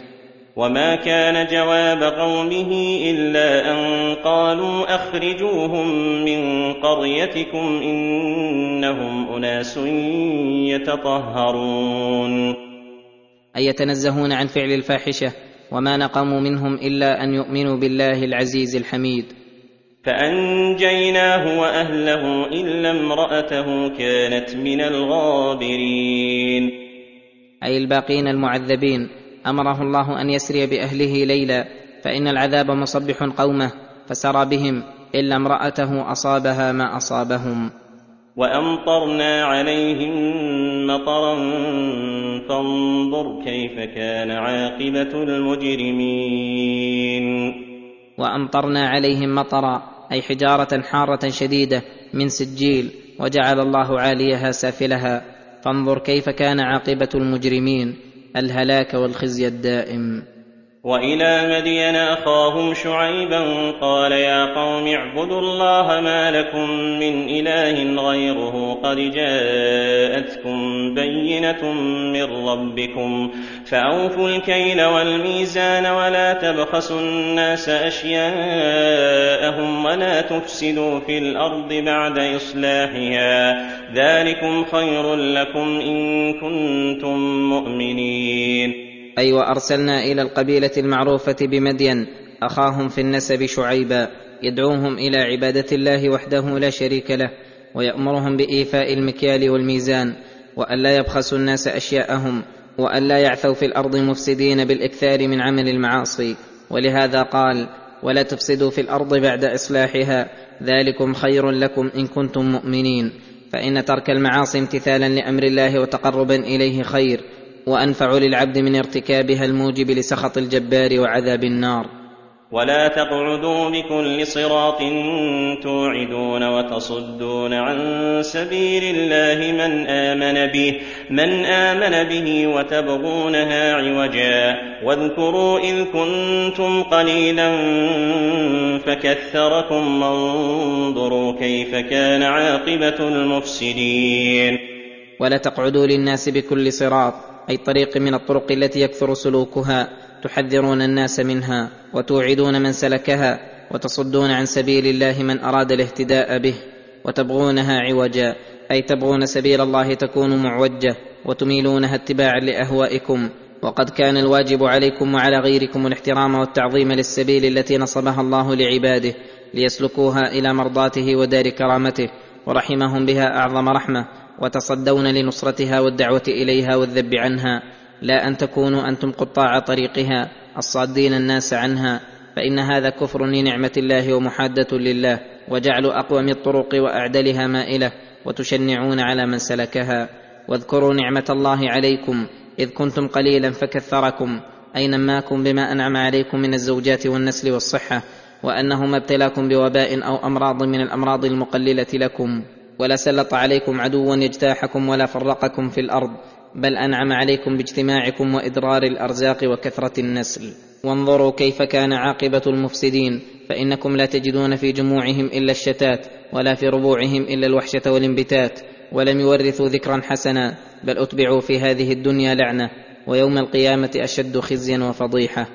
وإن كان طائفة منكم آمنوا بالذي أرسلت به وطائفة لم يؤمنوا فاصبروا حتى يحكم الله بيننا وهو خير الحاكمين. وان كان طائفه منكم امنوا بالذي ارسلت به وطائفه لم يؤمنوا وهم الجمهور منهم فاصبروا حتى يحكم الله بيننا وهو خير الحاكمين فينصر المحق ويوقع العقوبة على المبطل. قال الملأ الذين استكبروا من قومه لنخرجنك يا شعيب والذين آمنوا معك من قريتنا أو لتعودن في ملتنا أو لتعودن في ملتنا. قال أولو كنا كارهين. قال الملأ الذين استكبروا من قومه وهم الأشراف والكبراء منهم الذين اتبعوا أهواءهم وله بلذاتهم فلما أتاهم الحق ورأوه غير موافق لأهوائهم الرديئة ردوه واستكبروا عنه فقالوا لنبيهم شعيب ومن معه من المؤمنين المستضعفين لنخرجنك يا شعيب والذين آمنوا معك من قريتنا أو لتعودن في ملتنا استعملوا قوتهم السبعية في مقابلة الحق ولم يراعوا دينا ولا ذمة ولا حقا وإنما راعوا واتبعوا أهواءهم وعقولهم السفيهة التي دلتهم على هذا القول الفاسد فقالوا إما أن ترجع أنت ومن معك إلى ديننا أو لنخرجنكم من قريتنا. فشعيب عليه الصلاة والسلام كان يدعوهم طامعا في إيمانهم والآن لم يسلم من شرهم حتى توعدوه إن لم يتابعهم بالجلاء عن وطنه الذي هو ومن معه أحق به منهم. فقال لهم شعيب عليه الصلاة والسلام متعجبا من قولهم أولو كنا كارهين أي انتابعكم على دينكم وملتكم الباطلة. ولو كنا كارهين لها لعلمنا ببطلانها فإنما يدعى إليها من له نوع رغبة فيها. أما من يعلن بالنهي عنها والتشنيع على من اتبعها فكيف يدعى إليها؟ قد افترينا على الله كذبا ان عدنا في ملتكم بعد اذ نجانا الله منها وما يكون لنا ان نعود فيها الا ان يشاء الله ربنا وسع ربنا كل شيء علما على الله توكلنا على الله توكلنا ربنا افتح بيننا وبين قومنا بالحق وأنت خير الفاتحين. قد افترينا على الله كذبا إن عدنا في ملتكم بعد إذ نجانا الله منها. أي اشهدوا علينا أننا إن عدنا فيها بعدما نجانا الله منها وأنقذنا من شرها. أننا كاذبون مفترون على الله الكذب. فإننا نعلم أنه لا أعظم افتراء ممن جعل لله شريكا. وهو الواحد الأحد الفرد الصمد الذي لم يتخذ ولدا ولا صاحبه ولا شريكا في الملك. وما يكون لنا أن نعود فيها اي يمتنع على مثلنا أن نعود فيها فإن هذا من المحال. فآيسهم عليه الصلاة والسلام من كونه يوافقهم من وجوه متعددة من جهة أنهم كارهون لها مبغضون لما هم عليه من الشرك ومن جهة أنه جعل ما هم عليه كذبا وأشهدهم أنه إن اتبعهم ومن معه فإنهم كاذبون. ومنها اعترافهم بمنة الله عليهم إذ أنقذهم الله منها ومنها أن عودهم فيها بعدما هداهم الله من المحالات بالنظر إلى حالتهم الراهنة وما في قلوبهم من تعظيم الله تعالى والاعتراف له بالعبودية وأنه الإله وحده الذي لا تنبغي العبادة إلا له وحده لا شريك له وأن آلهة المشركين أبطلوا الباطل وأمحلوا المحال وحيث إن الله من عليهم بعقول يعرفون بها الحق والباطل والهدى والضلال. وأما من حيث النظر إلى مشيئة الله وإرادته النافذة في خلقه التي لا خروج لأحد عنها ولو تواترت الأسباب وتوافقت القوى فإنهم لا يحكمون على أنفسهم أنهم سيفعلون شيئا أو يتركونه ولهذا استثنى وما يكون لنا أن نعود فيها إلا أن يشاء الله. أي فلا يمكننا ولا غيرنا الخروج عن مشيئته التابعة لعلمه وحكمته وقد وسع ربنا كل شيء علما. فيعلم ما يصلح للعباد وما يدبرهم عليه. على الله توكلنا أي اعتمدنا أنه سيثبتنا على الصراط المستقيم وأن يعصمنا من جميع طرق الجحيم فإن من توكل على الله كفاه ويسر له أمر دينه ودنياه. ربنا افتح بيننا وبين قومنا بالحق أي انصر المظلوم وصاحب الحق على الظالم المعاند للحق وأنت خير الفاتحين وفتحه تعالى لعباده نوعان فتح العلم بتبيين الحق من الباطل والهدى من الضلال ومن هو من المستقيمين على الصراط ممن هو منحرف عنه. والنوع الثاني فتحه بالجزاء وإيقاع العقوبة على الظالمين والنجاة والإكرام للصالحين. فسالوا الله أن يفتح بينهم وبين قومهم بالحق والعدل وأن يريهم من آياته وعبره ما يكون فاصلا بين الفريقين. وقال الملأ الذين كفروا من قومه لئن اتبعتم شعيبا إنكم اذا لخاسرون. وقال الملأ الذين كفروا من قومه محذرين عن اتباع شعيب لئن اتبعتم شعيبا إنكم اذا لخاسرون. هذا ما سولت لهم أنفسهم أن الخسارة والشقاء في اتباع الرشد والهدى ولم يدروا أن الخسارة كل الخسارة في لزوم ما هم عليه من الضلال والإضلال وقد علموا ذلك حين وقع بهم النكال. فأخذتهم الرجفة فأصبحوا في دارهم جاثمين. فأخذتهم الرجفة أي الزلزلة الشديدة فأصبحوا في دارهم جاثمين أي صرعى ميتين هامدين. قال تعالى ناعيا حالهم. الذين كذبوا شعيبا كأن لم يغنوا فيها. الذين كذبوا شعيبا كانوا هم الخاسرين. الذين كذبوا شعيبا كأن لم يغنوا فيها أي كأنهم ما أقاموا في ديارهم. وكأنهم ما تمتعوا في عرصاتها ولا تفيأوا في ظلالها ولا غنوا في مسارح أنهارها ولا أكلوا من ثمار أشجارها. حين فاجأهم العذاب فنقلهم من مورد اللهو واللعب واللذات إلى مستقر الحزن والشقاء والعقاب والدركات. ولهذا قال الذين كذبوا شعيبا كانوا هم الخاسرين. أي الخسار محصور فيهم لأنهم خسروا دينهم وأنفسهم وأهليهم يوم القيامة. ألا ذلك هو الخسران المبين. لا من قالوا لهم لئن اتبعتم شعيبا إنكم إذا لخاسرون. فتولى عنهم وقال يا قوم لقد أبلغتكم رسالات ربي ونصحت لكم. لقد أبلغتكم رسالات ربي ونصحت لكم. فكيف آسى؟ فكيف آسى على قوم كافرين؟ فحين هلكوا تولى عنهم نبيهم شعيب عليه الصلاة والسلام وقال معاتبا وموبخا ومخاطبا بعد موتهم يا قوم لقد أبلغتكم رسالات ربي أي أوصلتها إليكم وبينتها حتى بلغت منكم أقصى ما يمكن أن تصل إليه وخالطت أفئدتكم ونصحت لكم فلم تقبلوا نصحي ولا انقدتم لإرشادي بل فسقتم وطغيتم فكيف آسى على قوم كافرين؟ أي فكيف أحزن على قوم لا خير فيهم؟ أتاهم الخير فردوه ولم يقبلوه ولا يليق بهم إلا الشر فهؤلاء غير حقيقين أن يحزن عليهم بل يفرح بإهلاكهم ومحقهم فعياذا بك اللهم من الخزي والفضيحة. وأي شقاء وعقوبة أبلغ من أن يصلوا إلى حالة يتبرأ منهم أنصح الخلق لهم. وما أرسلنا في قرية من نبي إلا أخذنا أهلها بالبأساء إلا أخذنا أهلها بالبأساء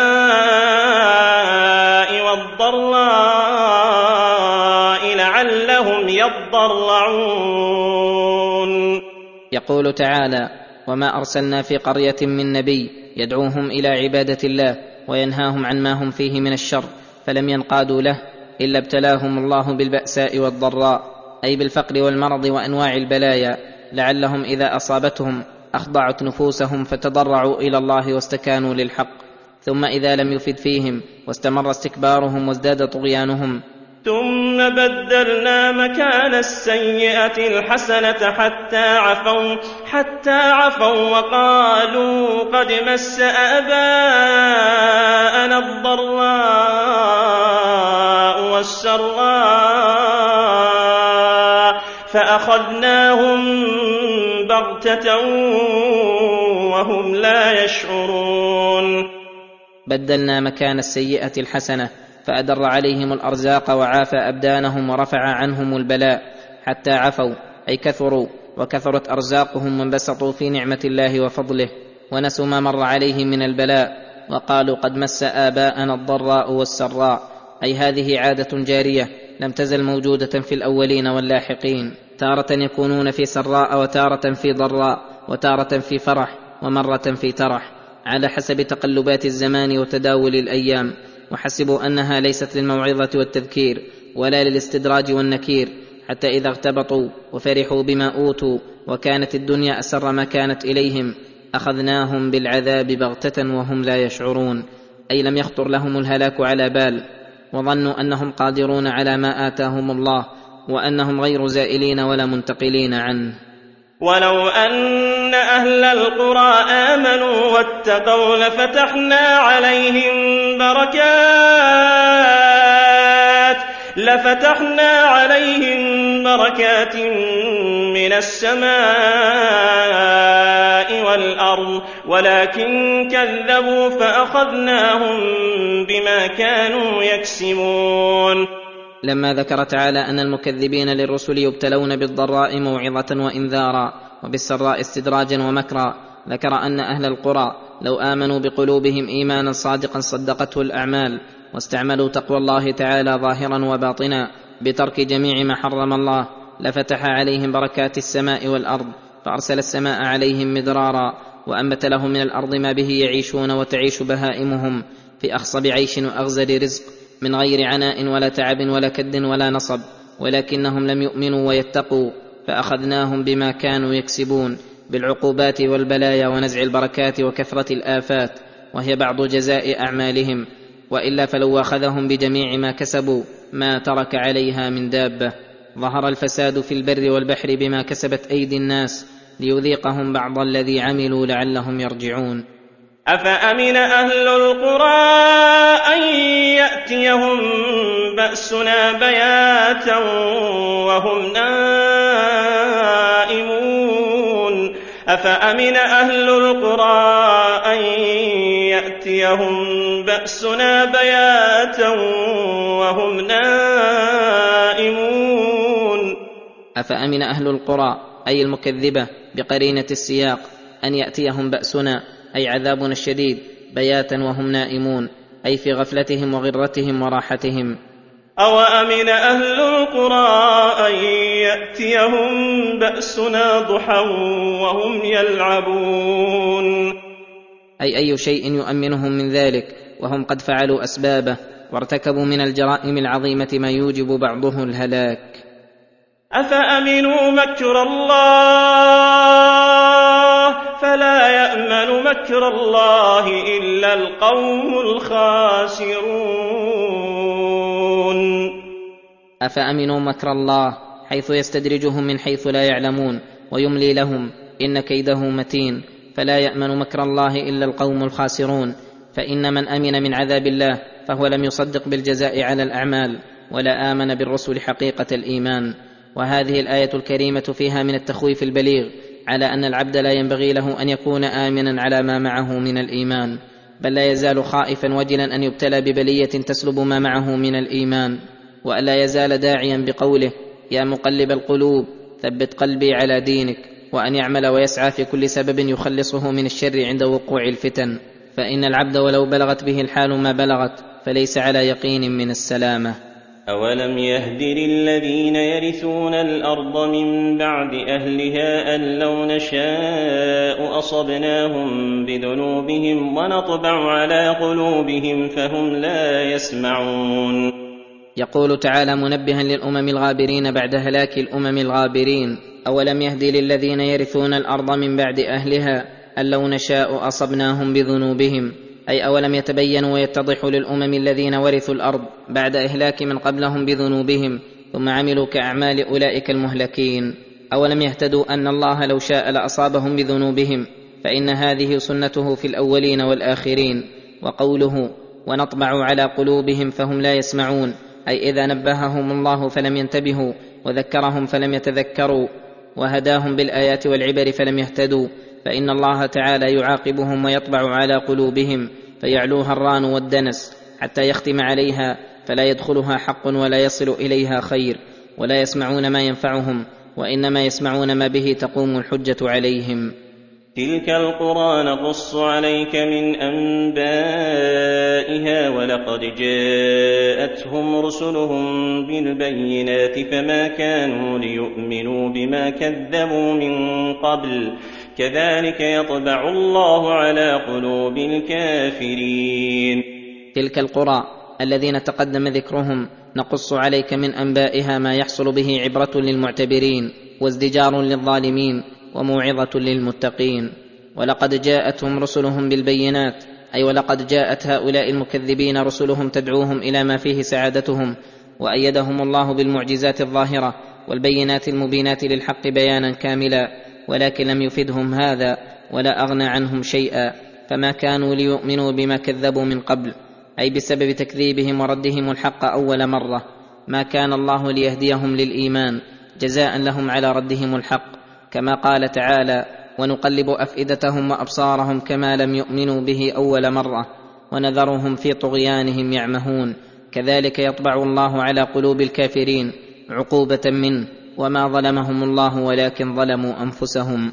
وما وجدنا لأكثرهم من عهد وإن وجدنا أكثرهم لفاسقين.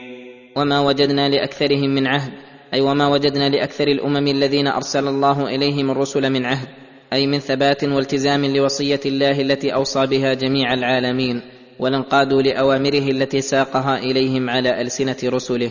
وإن وجدنا أكثرهم لفاسقين أي خارجين عن طاعة الله متبعين لأهوائهم بغير هدى من الله. فالله تعالى امتحن العباد بإرسال الرسل وإنزال الكتب وأمرهم باتباع عهده وهداه. فلم يمتثل لأمره إلا القليل من الناس الذين سبقت لهم من الله سابقة السعادة. وأما أكثر الخلق فأعرضوا عن الهدى واستكبروا عما جاءت به الرسل فأحل الله بهم من عقوباته المتنوعة ما أحل. ثم بعثنا من بعدهم موسى باياتنا إلى فرعون وملئه فظلموا بها فانظر كيف كان عاقبه المفسدين. أي ثم بعثنا من بعد اولئك الرسل موسى الكليم الامام العظيم والرسول الكريم إلى قوم عتاه جبابره وهم فرعون وملأه من اشرافهم وكبرائهم فاراهم من ايات الله العظيمه ما لم يشاهد له نظير فظلموا بها بأن لم ينقادوا لحقها الذي من لم ينقد له فهو ظالم بل استكبروا عنها. فانظر كيف كان عاقبة المفسدين كيف أهلكهم الله وأتبعهم الذم واللعنة في الدنيا ويوم القيامة. بئس الرفد المرفود وهذا مجمل فصله بقوله وقال موسى يا فرعون إني رسول من رب العالمين حقيق على أن لا أقول على الله إلا الحق. قد جئتكم ببينة من ربكم فأرسل معي بني إسرائيل. وقال موسى حين جاء إلى فرعون يدعوه إلى الإيمان يا فرعون إني رسول من رب العالمين أي إني رسول من مرسل عظيم وهو رب العالمين الشامل للعالم العلوي والسفلي مربي جميع خلقه بأنواع التدابير الإلهية التي من جملتها أنه لا يتركهم سدى بل يرسل إليهم الرسل مبشرين ومنذرين وهو الذي لا يقدر أحد أن يتجرأ عليه ويدعي أنه أرسله ولم يرسله فإذا كان هذا شأنه وأنا قد اختارني واصطفاني لرسالته فحقيق علي الا أكذب عليه ولا أقول عليه إلا الحق. فإني لو قلت عليه غير ذلك لعجلني بالعقوبة وأخذني أخذ عزيز مقتدر فهذا موجب لأن ينقادوا له ويتبعوه خصوصا وقد جاءهم ببينة من الله واضحة على صحة ما جاء به من الحق فوجب عليهم أن يعملوا بمقصود رسالته ولها مقصودان عظيمان إيمانهم به واتباعهم له وإرسال بني إسرائيل الشعب الذي فضله الله على العالمين أولاد الأنبياء وسلسلة يعقوب عليه السلام. الذي موسى عليه الصلاة والسلام واحد منهم فقال له فرعون قال إن كنت جئت بآية فأت بها إن كنت من الصادقين. فألقى عصاه فإذا هي ثعبان مبين ونزع يده فإذا هي بيضاء للناظرين. فألقى موسى عصاه في الأرض فإذا هي ثعبان مبين أي حية ظاهرة تسعى وهم يشاهدونها ونزع يده من جيبه فإذا هي بيضاء للناظرين من غير سوء فهاتان آيتان كبيرتان دالتان على صحة ما جاء به موسى وصدقه وأنه رسول رب العالمين ولكن الذين لا يؤمنون لو جاءتهم كل آية لا يؤمنون حتى يروا العذاب الأليم. فلهذا قال الملأ من قوم فرعون إن هذا لساحر عليم. قال الملأ من قوم فرعون حين بهرهم ما رأوا من الآيات ولم يؤمنوا وطلبوا لها التأويلات الفاسدة. إن هذا لساحر عليم أي ماهر في سحره. يريد أن يخرجكم من أرضكم فماذا تأمرون؟ ثم خوفوا ضعفاء الأحلام وسفهاء العقول بأنه يريد موسى بفعله هذا أن يخرجكم من أرضكم أي يريد أن يجليكم عن أوطانكم فماذا تأمرون؟ أي إنهم تشاوروا فيما بينهم ما يفعلون بموسى وما يندفع به ضرره بزعمهم عنهم فإن ما جاء به إن لم يقابل بما يبطله ويدحضه وإلا دخل في عقول أكثر الناس فحينئذ انعقد رأيهم إلى أن قالوا لفرعون قالوا أرجه وأخاه وأرسل في المدائن حاشرين يأتوك بكل ساحر عليم. أرجه وأخاه. اي احبسهما وأمهلهما وابعث في المدائن أناسا يحشرون أهل المملكة ويأتون بكل سحار عليم. أي يجيئون بالسحرة المهرة ليقابلوا ما جاء به موسى. فقالوا يا موسى اجعل بيننا وبينك موعدا لا نخلفه نحن ولا أنت مكانا سوى. قال موعدكم يوم الزينة وأن يحشر الناس ضحى. فتولى فرعون فجمع كيده ثم أتى. وقال هنا وجاء السحرة فرعون قالوا إن لنا لأجرا إن كنا نحن الغالبين. وجاء السحرة فرعون طالبين منه الجزاء إن غلبوا فقالوا إن لنا لأجرا إن كنا نحن الغالبين. فقال فرعون قال نعم وإنكم لمن المقربين. نعم لكم أجر وإنكم لمن المقربين. فوعدهم الأجر والتقريب وعلو المنزلة عندهم ليجتهدوا ويبذلوا وسعهم وطاقتهم في مغالبة موسى. فلما حضروا مع موسى بحضرة الخلق العظيم. قالوا يا موسى إما أن تلقي وإما أن نكون نحن الملقين. قالوا على وجه التألي وعدم المبالاة بما جاء به موسى. يا موسى إما أن تلقي ما معك وإما أن نكون نحن الملقين. فقال موسى قال ألقوا فلما ألقوا سحروا أعين الناس واسترهبوهم سحروا أعين الناس واسترهبوهم وجاءوا بسحر عظيم. ألقوا لأجل أن يرى الناس ما معهم وما مع موسى. فلما ألقوا حبالهم وعصيهم إذا هي من سحرهم كأنها حيات تسعى فسحروا أعين الناس واسترهبوهم. وجاءوا بسحر عظيم لم يوجد له نظير من السحر. وأوحينا إلى موسى أن ألق عصاك فإذا هي تلقف ما يأفكون. وأوحينا إلى موسى أن ألق عصاك فألقاها فإذا هي حية تسعى فتلقف جميع ما يأفكون أي يكذبون به ويموهون. فوقع الحق وبطل ما كانوا يعملون. فوقع الحق أي تبين وظهر واستعلن في ذلك المجمع وبطل ما كانوا يعملون. فغلبوا هنالك وانقلبوا صاغرين. فغلبوا هنالك أي في ذلك المقام وانقلبوا صاغرين أي حقيرين قد اضمحل باطلهم وتلاشى سحرهم ولم يحصل لهم المقصود الذي ظنوا حصوله. وأعظم من تبين له الحق العظيم أهل الصنف والسحر. الذين يعرفون من أنواع السحر وجزئياته ما لا يعرفه غيرهم فعرفوا أن هذه آية عظيمة من آيات الله لا يدان لأحد بها. وألقي السحرة ساجدين قالوا آمنا برب العالمين. قالوا آمنا برب العالمين رب موسى وهارون. رب موسى وهارون. أي وصدقنا بما بعث به موسى من الآيات البينات. فقال لهم فرعون متهددا على الإيمان. قال فرعون آمنتم به قبل أن آذن لكم إن هذا لمكر مكرتموه في المدينة لتخرجوا منها أهلها. فسوف تعلمون لأقطعن أيديكم وأرجلكم من خلاف ثم لأصلبنكم أجمعين. آمنتم به قبل أن آذن لكم. كان الخبيث حاكما مستبدا على الأبدان والأقوال. قد تقرر عنده وعندهم أن قوله هو المطاع وأمره نافذ فيهم ولا خروج لأحد عن قوله وحكمه. وبهذه الحالة تنحط الأمم وتضعف عقولها ونفوذها وتعجز عن المدافعة عن حقوقها. ولهذا قال الله عنه فاستخف قومه فأطاعوه وقال هنا آمنتم به قبل أن آذن لكم. أي فهذا سوء أدب منكم وتجرؤ علي ثم موه على قومه وقال إن هذا لمكر مكرتموه في المدينة لتخرجوا منها أهلها.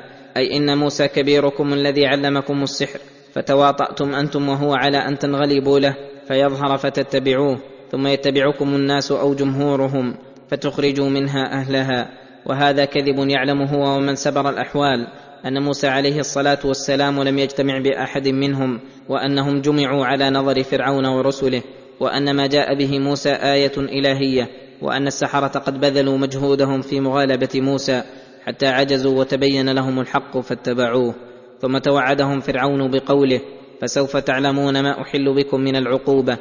فسوف تعلمون لأقطعن أيديكم وأرجلكم من خلاف ثم لأصلبنكم أجمعين. لأقطعن أيديكم وأرجلكم من خلاف.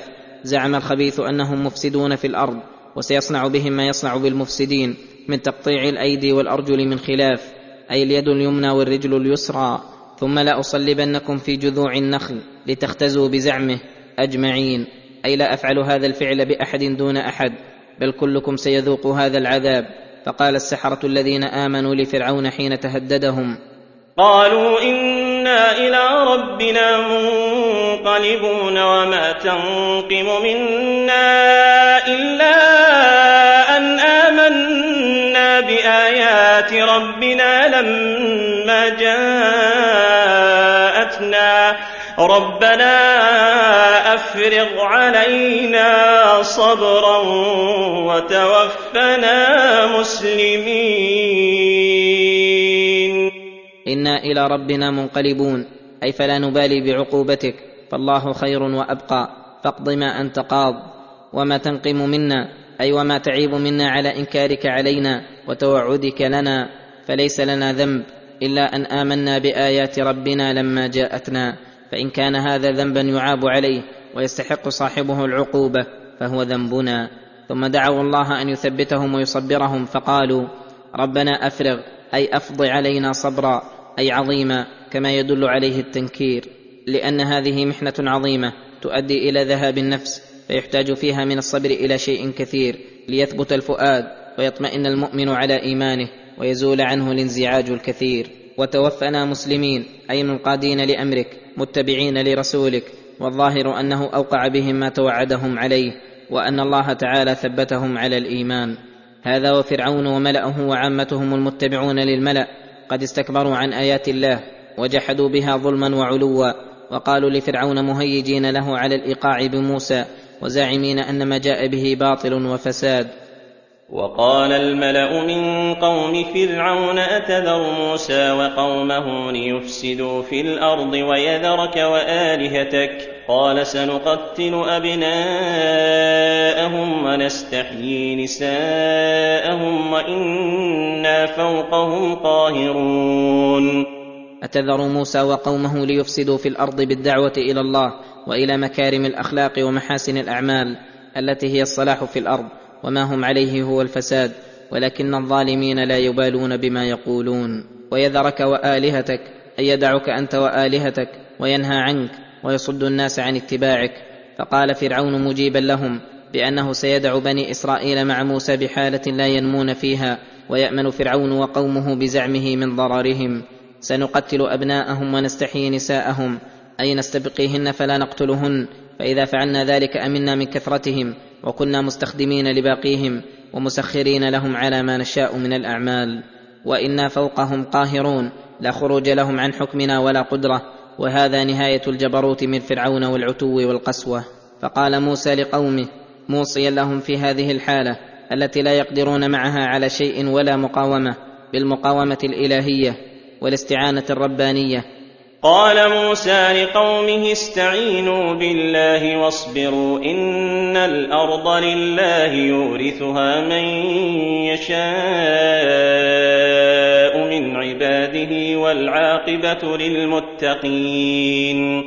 استعينوا بالله أي اعتمدوا عليه في جلب ما ينفعكم ودفع ما يضركم وثقوا بالله أنه سيتم أمركم واصبروا أي الزموا الصبر على ما يحل بكم منتظرين للفرج. إن الأرض لله ليست لفرعون ولا لقومه حتى يتحكموا فيها. يورثها من يشاء من عباده اي يداولها بين الناس على حسب مشيئته وحكمته. ولكن العاقبة للمتقين فإنهم إن امتحنوا مدة ابتلاء من الله وحكمة فإن النصر لهم. والعاقبة الحميدة لهم على قومهم. وهذه وظيفة العبد أنه عند القدرة أن يفعل من الأسباب الدافعة عنه أذى الغير ما يقدر عليه.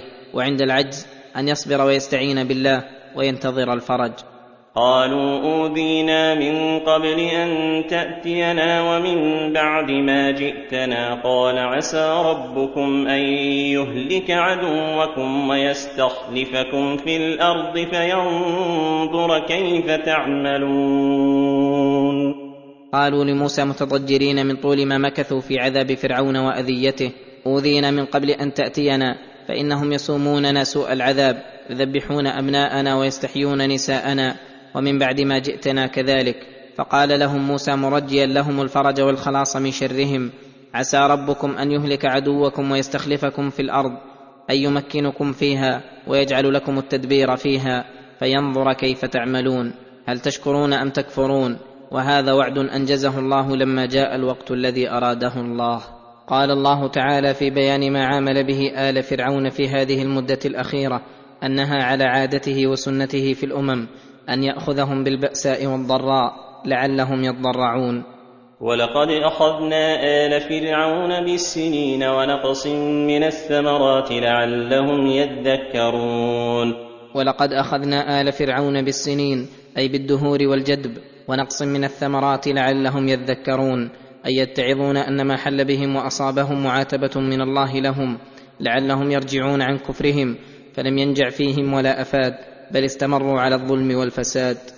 فإذا جاءتهم الحسنة قالوا لنا هذه وإن تصبهم سيئة يطيروا بموسى ومن معه. ألا إنما طائرهم عند الله ولكن أكثرهم لا يعلمون. فإذا جاءتهم الحسنة أي الخصب وإدرار الرزق قالوا لنا هذه أي نحن مستحقون لها فلم يشكروا الله عليها وإن تصبهم سيئة أي قحط وجدب يطيروا بموسى ومن معه أي يقولوا إنما جاءنا بسبب مجيء موسى واتباع بني إسرائيل له. قال الله تعالى ألا إنما طائرهم عند الله أي بقضائه وقدرته ليس كما قالوا بل إن ذنوبهم وكفرهم هو السبب في ذلك بل أكثرهم لا يعلمون أي فلذلك قالوا ما قالوا. وقالوا مهما تأتنا به من آية لتسحرنا بها فما نحن لك بمؤمنين. وقالوا مبينين لموسى أنهم لا يزالون ولا يزولون عن باطلهم. مهما تأتنا به من آية لتسحرنا بها فما نحن لك بمؤمنين.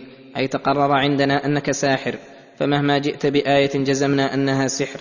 فلا نؤمن لك ولا نصدق. وهذا غاية ما يكون من العناد. أن يبلغ بالكافرين إلى أن تستوي عندهم الحالات سواء نزلت عليهم الآيات أم لم تنزل. فأرسلنا عليهم الطوفان والجراد والقمل والضفادع والدم آيات مفصلات فاستكبروا وكانوا قوما مجرمين. فأرسلنا عليهم الطوفان أي الماء الكثير الذي أغرق أشجارهم وزروعهم وأضر بهم ضررا كثيرا. والجراد فأكل ثمارهم وزروعهم ونباتهم. والقمل قيل إنه الدباء أي صغار الجراد والظاهر أنه القمل المعروف. والضفادع فملأت أوعيتهم وأقلقتهم وآذتهم أذية شديدة. والدم إما أن يكون الرعاف أو كما قال كثير من المفسرين أن ماءهم الذي يشربون انقلب دما فكانوا لا يشربون إلا دما ولا يطبخون إلا بدم. آيات مفصلات. أي أدلة وبينات على أنهم كانوا كاذبين ظالمين وعلى أن ما جاء به موسى حق وصدق. فاستكبروا لما رأوا الآيات وكانوا في سابق أمرهم قوما مجرمين. فلذلك عاقبهم الله تعالى بأن أبقاهم على الغي والضلال. ولما وقع عليهم الرجز قالوا يا موسى ادع لنا ربك بما عهد عندك لئن كشفت عنا الرجز لنؤمنن لك ولنرسلن معك ولنرسلن معك بني إسرائيل. ولما وقع عليهم الرجز أي العذاب يحتمل أن المراد به الطاعون كما قاله كثير من المفسرين. ويحتمل أن يراد به ما تقدم من الآيات الطوفان والجراد والقمل والضفادع والدم فإنها رجز وعذاب. وأنهم كلما أصابهم واحد منها قالوا يا موسى ادع لنا ربك بما عهد عندك أي تشفعوا بموسى بما عهد الله عنده من الوحي والشرع لئن كشفت عنا الرجز لنؤمنن لك ولنرسلن معك بني إسرائيل وهم في ذلك كذبة لا قصد لهم إلا زوال ما حل بهم من العذاب وظنوا إذا رفع لا يصيبهم غيره.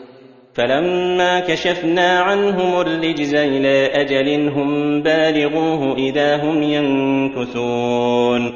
فلما كشفنا عنهم الرجز إلى أجل هم بالغوه أي إلى مدة قدر الله بقاءهم إليها وليس كشفا مؤبدا وإنما هو مؤقت إذا هم ينكثون العهد الذي عاهدوا عليه موسى ووعدوه بالإيمان به وإرسال بني إسرائيل فلا آمنوا به ولا أرسلوا معه بني إسرائيل بل استمروا على كفرهم يعمهون. وعلى تعذيب بني إسرائيل دائبين. فانتقمنا منهم فأغرقناهم في اليم بأنهم كذبوا بآياتنا وكانوا عنها غافلين. فانتقمنا منهم أي حين جاء الوقت المؤقت لهلاكهم أمر الله موسى أن يسري ببني إسرائيل ليلا وأخبره أن فرعون سيتبعهم هو وجنوده فأرسل فرعون في المدائن حاشرين. يجمعون الناس ليتبعوا بني إسرائيل وقالوا لهم إن هؤلاء لشرذمة قليلون وإنهم لنا لغائظون وإنا لجميع حاذرون فأخرجناهم من جنات وعيون وكنوز ومقام كريم كذلك وأورثناها بني إسرائيل فأتبعوهم مشرقين. فلما تراءى الجمعان قال أصحاب موسى إنا لمدركون قال كلا إن معي ربي سيهدين. فأوحينا إلى موسى أن اضرب بعصاك البحر فانفلق فكان كل فرق كالطود العظيم وأزلفنا ثم الآخرين وأنجينا موسى ومن معه أجمعين ثم أغرقنا الآخرين. وقال هنا فأغرقناهم في اليم بأنهم كذبوا بآياتنا وكانوا عنها غافلين أي بسبب تكذيبهم بآيات الله وإعراضهم عما دلت عليه من الحق. وأورثنا القوم الذين كانوا يستضعفون مشارق الأرض ومغاربها التي باركنا فيها. وتمت كلمة ربك الحسنى على بني إسرائيل بما صبروا ودمرنا ما كان يصنع فرعون وقومه وما كانوا يعرشون. وأورثنا القوم الذين كانوا يستضعفون في الأرض أي بني إسرائيل الذين كانوا خدمة لآل فرعون يسومونهم سوء العذاب أورثهم الله مشارق الأرض ومغاربها والمراد بالأرض ها هنا أرض مصر التي كانوا فيها مستضعفين أذلين أي ملكهم الله جميعها ومكنهم فيها التي باركنا فيها. وتمت كلمة ربك الحسنى على بني إسرائيل بما صبروا حين قال لهم موسى استعينوا بالله واصبروا. إن الأرض لله يورثها من يشاء من عباده والعاقبة للمتقين. ودمرنا ما كان يصنع فرعون وقومه من الأبنية الهائلة والمساكن المزخرفة وما كانوا يعرشون. فتلك بيوتهم خاوية بما ظلموا. إن في ذلك لآية لقوم يعلمون. وجاوزنا ببني إسرائيل البحر فأتوا على قوم يعكفون على أصنام لهم. قالوا يا موسى اجعل لنا إلها كما لهم آلهة. قال إنكم قوم تجهلون. وجاوزنا ببني إسرائيل البحر بعدما أنجاهم الله من عدوهم فرعون وقومه وأهلكهم الله وبنو إسرائيل ينظرون. فأتوا أي مروا على قوم يعكفون على أصنام لهم أي يقيمون عندها ويتبركون بها ويعبدونها. فقالوا من جهلهم وسفههم لنبيهم موسى بعدما أراهم الله من الآيات ما أراهم. يا موسى اجعل لنا إلها كما لهم آلهة أي اشرع لنا أن نتخذ أصناما آلهة كما اتخذها هؤلاء. فقال لهم موسى إنكم قوم تجهلون وأي جهل أعظم من جهل من جهل ربه وخالقه وأراد أن يسوي به غيره. ممن لا يملك نفعا ولا ضرا ولا موتا ولا حياة ولا نشورا. ولهذا قال لهم موسى إن هؤلاء متبر ما هم فيه وباطل ما كانوا يعملون. إن هؤلاء متبر ما هم فيه وباطل ما كانوا يعملون لأن دعاءهم إياها باطل وهي باطلة بنفسها فالعمل باطل وغايته باطلة. قال أغير الله يبغيكم إلها وهو فضلكم على العالمين. قال أغير الله أبغيكم إلها أي أأطلب لكم إلها غير الله المألوه الكامل في ذاته وصفاته وأفعاله وهو فضلكم على العالمين فيقتضي أن تقابلوا فضله وتفضيله بالشكر وذلك بإفراده وحده بالعبادة والكفر بما يدعى من دونه. ثم ذكرهم ما امتن الله به عليهم فقال وإذ أنجيناكم من آل فرعون يسومونكم سوء العذاب يسومونكم سوء العذاب يقتلون أبناءكم ويستحيون نساءكم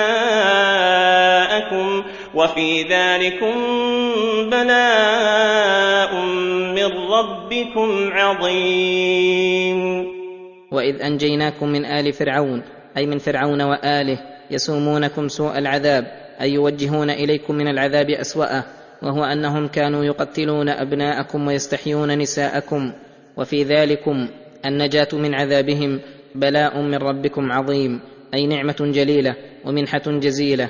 أي وفي ذلك العذاب الصادر منهم لكم بلاء من ربكم عليكم عظيم. فلما ذكرهم موسى ووعظهم انتهوا عن ذلك. ولما أتم الله نعمته عليهم بالنجاة من عدوهم وتمكينهم في الأرض أراد تبارك وتعالى أن يتم نعمته عليهم بإنزال الكتاب الذي فيه الأحكام الشرعية والعقائد المرضية. وواعدنا موسى ثلاثين ليلة وأتممناها بعشر فتم ميقات ربه أربعين ليلة. وقال موسى لأخيه هارون اخلفني في قومي وأصلح ولا تتبع سبيل المفسدين. فواعد موسى ثلاثين ليلة وأتمها بعشر فصارت أربعين ليلة. ليستعد موسى ويتهيأ لوعد الله ويكون لنزولها موقع كبير لديهم وتشوق إلى إنزالها. ولما ذهب موسى إلى ميقات ربه قال لهارون موصيا له على بني إسرائيل من حرصه عليهم وشفقته أخلفني في قومي أي كن خليفتي فيهم واعمل فيهم بما كنت أعمل وأصلح أي اتبع طريق الصلاح ولا تتبع سبيل المفسدين وهم الذين يعملون بالمعاصي.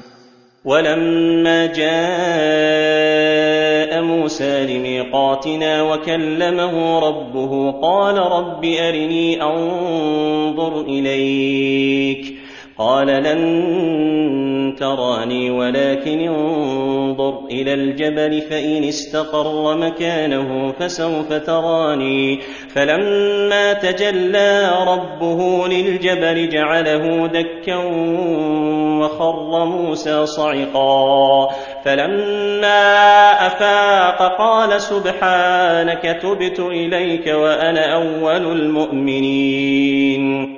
ولما جاء موسى لميقاتنا الذي وقتناه له لإنزال الكتاب وكلمه ربه بما كلمه من وحيه وأمره ونهيه تشوق إلى رؤية الله ونزعت نفسه لذلك حبا لربه ومودة لرؤيته. فقال رب أرني أنظر إليك. قال الله لن تراني أي لن تقدر الآن على رؤيتي فإن الله تبارك وتعالى أنشأ الخلق في هذه الدار على نشأة لا يقدرون بها ولا يثبتون لرؤية الله.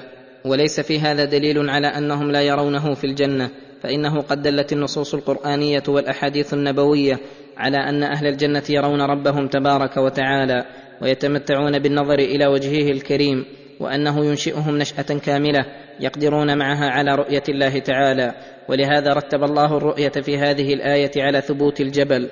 فقال مقنعا لموسى في عدم إجابته للرؤية ولكن انظر إلى الجبل فإن استقر مكانه إذا تجلى الله له فسوف تراني. فلما تجلى ربه للجبل الأصم الغليظ جعله دكا أي انهال مثل الرمل انزعاجا من رؤية الله وعدم ثبوته لها. وخر موسى حين رأى ما رأى صعقا فتبين له حينئذ أنه إذا لم يثبت الجبل لرؤية الله فموسى أولى الا يثبت لذلك واستغفر ربه لما صدر منه من السؤال الذي لم يوافق موضعا ولذلك قال سبحانك أي تنزيها لك وتعظيما عما لا يليق بجلالك تبت إليك من جميع الذنوب وسوء الأدب معك وأنا أول المؤمنين. أي جدد عليه الصلاة والسلام إيمانه بما كمل الله له مما كان يجهله قبل ذلك.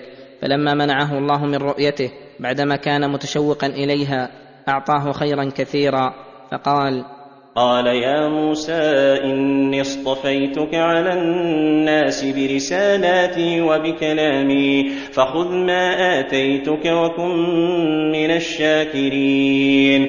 يا موسى إني اصطفيتك على الناس أي اخترتك واجتبيتك وفضلتك. وخصصتك بفضائل عظيمة ومناقب جليلة برسالاتي التي لا أجعلها ولا أخص بها إلا أفضل الخلق. وبكلامي إياك من غير واسطة. وهذه فضيلة اختص بها موسى الكليم وعرف بها من بين إخوانه من المرسلين. فخذ ما آتيتك من النعم وخذ ما آتيتك من الأمر والنهي بانشراح صدر وتلقه بالقبول والانقياد. وكن من الشاكرين لله على ما خصك وفضلك. وكتبنا له في الألواح من كل شيء موعظة وتفصيلا لكل شيء. فخذها بقوة وأمر قومك يأخذوا بأحسنها. سأريكم دار الفاسقين. وكتبنا له في الألواح من كل شيء يحتاج إليه العباد موعظة ترغب النفوس في أفعال الخير وترهبهم من أفعال الشر. وتفصيلا لكل شيء من الأحكام الشرعية والعقائد والأخلاق والآداب فخذها بقوة أي بجد واجتهاد على إقامتها وأمر قومك يأخذوا بأحسنها وهي الأوامر الواجبة والمستحبة فإنها أحسنها وفي هذا دليل على أن أوامر الله في كل شريعة كاملة عادلة حسنة. سأريكم دار الفاسقين. بعدما أهلكهم الله وأبقى ديارهم عبرة بعدهم يعتبر بها المؤمنون الموفقون المتواضعون وأما غيرهم فقال عنهم سأصرف عن آياتي الذين يتكبرون في الأرض بغير الحق وإن يروا كل آية لا يؤمنوا بها وإن يروا سبيل الرشد لا يتخذوه سبيلا وإن يروا سبيل الغي يتخذوه سبيلا. ذلك بأنهم كذبوا بآياتنا وكانوا عنها غافلين. سأصرف عن آياتي أي عن الاعتبار في الآيات الأفقية والنفسية والفهم لآيات الكتاب الذين يتكبرون في الأرض بغير الحق أي يتكبرون على عباد الله وعلى الحق وعلى من جاء به. فمن كان بهذه الصفة حرمه الله خيرا كثيرا وخذله ولم يفقه من آيات الله ما ينتفع به. بل ربما انقلبت عليه الحقائق واستحسن القبيح. وإن يروا كل آية لا يؤمن بها لإعراضهم واعتراضهم ومحادتهم لله ورسوله. وإن يروا سبيل الرشد أي الهدى والاستقامة وهو الصراط الموصل إلى الله وإلى دار كرامته. لا يتخذوه أي لا يسلكوه ولا يرغبوا فيه. وإن يروا سبيل الغي أي الغواية الموصل لصاحبه إلى دار الشقاء. يتخذوه سبيلا والسبب في انحرافهم هذا الانحراف. ذلك بأنهم كذبوا بآياتنا وكانوا عنها غافلين. فردهم لآيات الله وغفلتهم عما يراد بها واحتقارهم لها. هو الذي أوجب لهم من سلوك طريق الغي وترك طريق الرشاد ما أوجب. والذين كذبوا بآياتنا ولقاء الآخرة حبطت أعمالهم. هل يجزون إلا ما كانوا يعملون؟ والذين كذبوا بآياتنا العظيمة الدالة على صحة ما أرسلنا به رسلنا ولقاء الآخرة حبطت أعمالهم لأنها على غير أساس. وقد فقد شرطها وهو الإيمان بآيات الله والتصديق بجزائه. هل يجزون في بطلان أعمالهم وحصول ضد مقصودهم إلا ما كانوا يعملون؟ فإن أعمال من لا يؤمن باليوم الآخر لا يرجو فيها ثوابا وليس لها غاية تنتهي إليه فلذلك اضمحلت وبطلت. واتخذ قوم موسى من بعده من حليهم عجلا جسدا له خوار. ألم يروا أنه لا يكلمهم ولا يهديهم سبيلا؟ اتخذوه وكانوا ظالمين. واتخذ قوم موسى من بعده من حليهم عجلا جسدا. صاغه السامري وألقى عليه قبضة من أثر الرسول فصار له خوار وصوت. فعبدوه واتخذوه إلها. وقال هذا إلهكم وإله موسى. فنسي موسى وذهب يطلبه وهذا من سفههم وقلة بصيرتهم. كيف اشتبه عليهم رب الأرض والسماوات بعجل من أنقص المخلوقات. ولهذا قال مبينا أنه ليس فيه من الصفات الذاتية ولا الفعليه ما يوجب أن يكون إلها. ألم يروا أنه لا يكلمهم؟ أي وعدم الكلام نقص عظيم. فهم أكمل حالة من هذا الحيوان أو الجماد. الذي لا يتكلم ولا يهديهم سبيلا أي لا يدلهم طريقا دينيا ولا يحصل لهم مصلحة دنيوية لأن من المتقرر في العقول والفطر أن اتخاذ إله لا يتكلم ولا ينفع ولا يضر من أبطل الباطل واسمج السفه. ولهذا قال اتخذوه وكانوا ظالمين حيث وضعوا العبادة في غير موضعها وأشركوا بالله ما لم ينزل به سلطانا. وفيه دليل على أن من أنكر كلام الله فقد أنكر خصائص إلهية الله تعالى لأن الله ذكر أن عدم الكلام دليل على عدم صلاحية الذي لا يتكلم للإلهية. ولما سقط في أيديهم ورأوا أنهم قد ضلوا قالوا قالوا لئن لم يرحمنا ربنا ويغفر لنا لنكونن من الخاسرين. ولما رجع موسى إلى قومه فوجدهم على هذه الحال وأخبرهم بضلالهم ندموا وسقط في أيديهم أي من الهم والندم على فعلهم ورأوا أنهم قد ضلوا فتنصلوا إلى الله وتضرعوا وقالوا لئن لم يرحمنا ربنا فيدلنا عليه ويرزقنا عبادته ويوفقنا لصالح الأعمال ويغفر لنا ما صدر من عبادة العجل لنكونن من الخاسرين الذين خسروا الدنيا والآخرة. ولما رجع موسى إلى قومه غضبان أسفا قال بئس ما خلفتموني من بعدي أعجلتم أمر ربكم وألقى الألواح وأخذ برأس أخيه يجره إليه قال ابن أم إن القوم استضعفوني وكادوا يقتلونني فلا تشمت بي الأعداء فلا تشمت بي الأعداء ولا تجعلني مع القوم الظالمين. ولما رجع موسى إلى قومه غضبان أسفا أي ممتلئا غضبا وغيظا عليهم لتمام غيرته عليه الصلاة والسلام وكمال نصحه وشفقته قال بئس ما خلفتموني من بعدي أي بئس الحالة التي خلفتموني بها من بعد ذهابي عنكم فإنها حالة تفضي إلى الهلاك الأبدي والشقاء السرمدي. اعجلتم أمر ربكم حيث وعدكم بإنزال الكتاب فبادرتم برأيكم الفاسد إلى هذه الخصلة القبيحة وألقى الألواح أي رماها من الغضب وأخذ برأس أخيه هارون ولحيته يجره إليه وقال له ما منعك إذ رأيتهم ضلوا؟ ألا تتبعا أفعصيت أمري لك بقولي؟ اخلفني في قومي وأصلح ولا تتبع سبيل المفسدين. فقال يا ابن أم لا تأخذ بلحيتي ولا برأسي. إني خشيت أن تقول فرقت بين بني إسرائيل ولم ترقب قولي. وقال هنا ابن أم هذا ترقيق لأخيه بذكر الأم وحدها وإلا فهو شقيقه لأمه وأبيه. إن القوم استضعفوني أي احتقروني حين قلت لهم يا قوم إنما فتنتم به وإن ربكم الرحمن فاتبعوني وأطيعوا أمري. وكادوا يقتلونني أي فلا تظن بي تقصيرا فلا تشمت بي الأعداء. بنهرك لي ومسك إياي بسوء فإن الأعداء حريصون على أن يجدوا علي عثرة أو يطلعوا لي على زلة ولا تجعلني مع القوم الظالمين فتعاملني معاملتهم. فندم موسى عليه السلام على ما استعجل من صنعه بأخيه قبل أن يعلم براءته مما ظنه فيه من التقصير. قال رب اغفر لي ولأخي وأدخلنا في رحمتك وأنت أرحم الراحمين. وقال رب اغفر لي ولأخي هارون وأدخلنا في رحمتك أي في وسطها واجعل رحمتك تحيط بنا من كل جانب فإنها حصن حصين من جميع الشرور وثم كل خير وسرور. وأنت أرحم الراحمين أي أرحم بنا من كل راحم أرحم بنا من آبائنا وأمهاتنا وأولادنا وأنفسنا. قال الله تعالى مبينا حال أهل العجل الذين عبدوه إن الذين اتخذوا العجل سينالهم غضب من ربهم وذلة في الحياة الدنيا وكذلك نجزي المفترين ان الذين اتخذوا العجل أي الها سينالهم غضب من ربهم وذله في الحياة الدنيا كما اغضبوا ربهم واستهانوا بامره. وكذلك نجزي المفترين فكل مفتر على الله كاذب على شرعه متقول عليه ما لم يقل.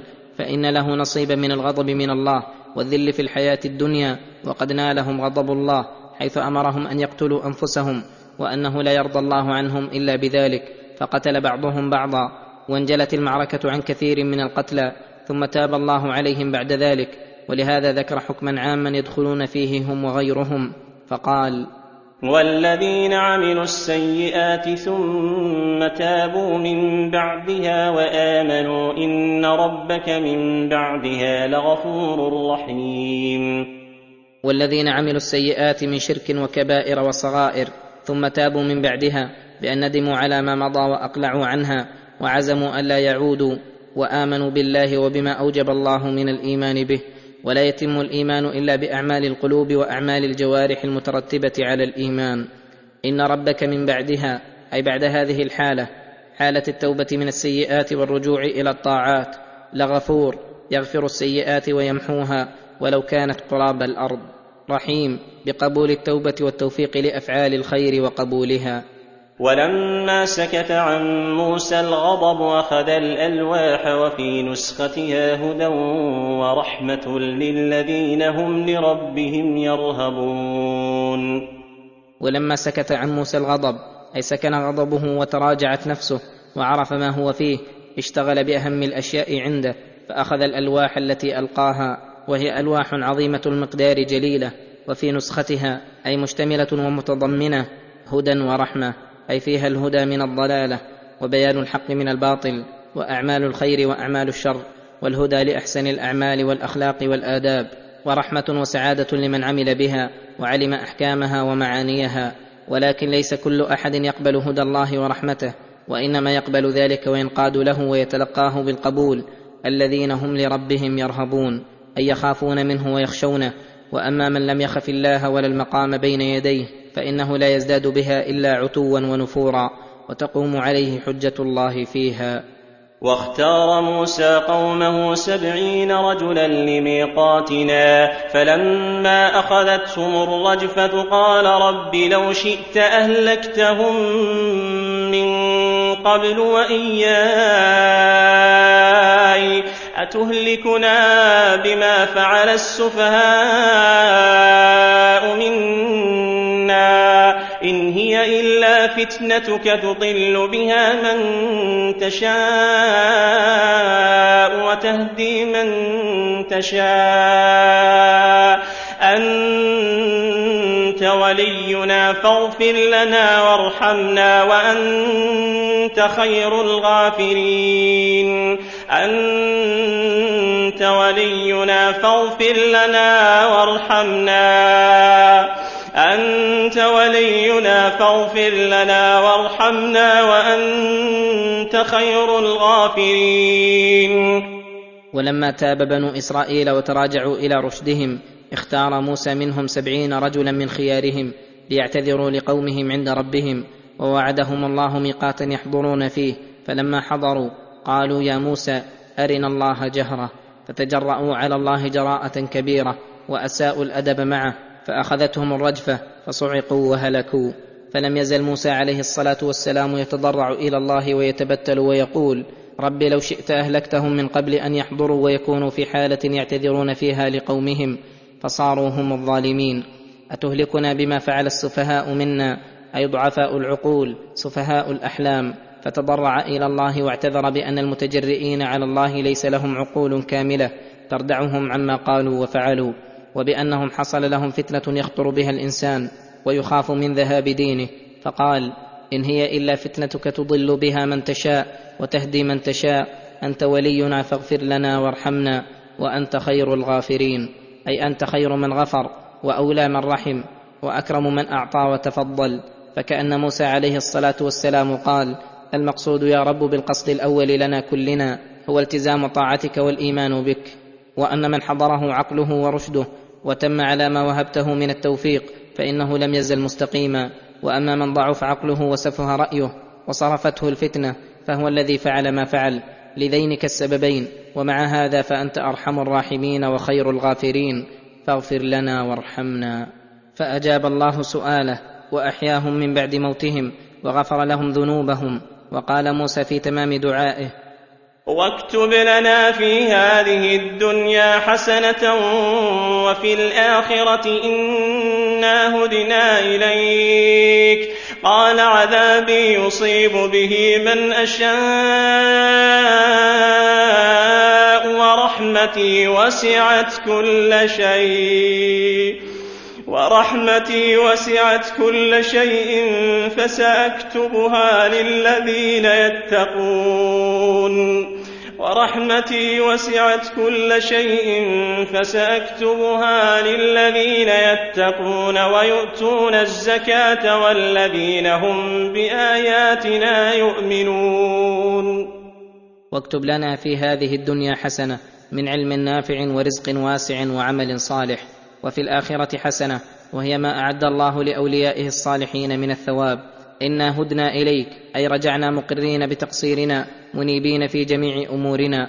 قال الله تعالى عذابي أصيب به من أشاء ممن كان شقيا متعرضا لأسبابه.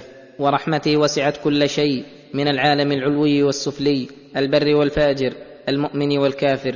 فلا مخلوق إلا قد وصلت إليه رحمة الله وغمره فضله وإحسانه. ولكن الرحمة الخاصة المقتضية لسعادة الدنيا والآخرة ليست لكل أحد. ولهذا قال عنها فسأكتبها للذين يتقون المعاصي صغارها وكبارها ويؤتون الزكاة الواجبة مستحقيها والذين هم بآياتنا يؤمنون. ومن تمام الإيمان بآيات الله معرفة معناها والعمل بمقتضاها. ومن ذلك اتباع النبي صلى الله عليه وسلم ظاهرا وباطنا في أصول الدين وفروعه. الذين يتبعون الرسول النبي الأمي الذي يجدونه مكتوبا عندهم في التوراة والإنجيل يأمرهم بالمعروف وينهاهم عن المنكر ويحل لهم الطيبات ويحرم عليهم الخبائث.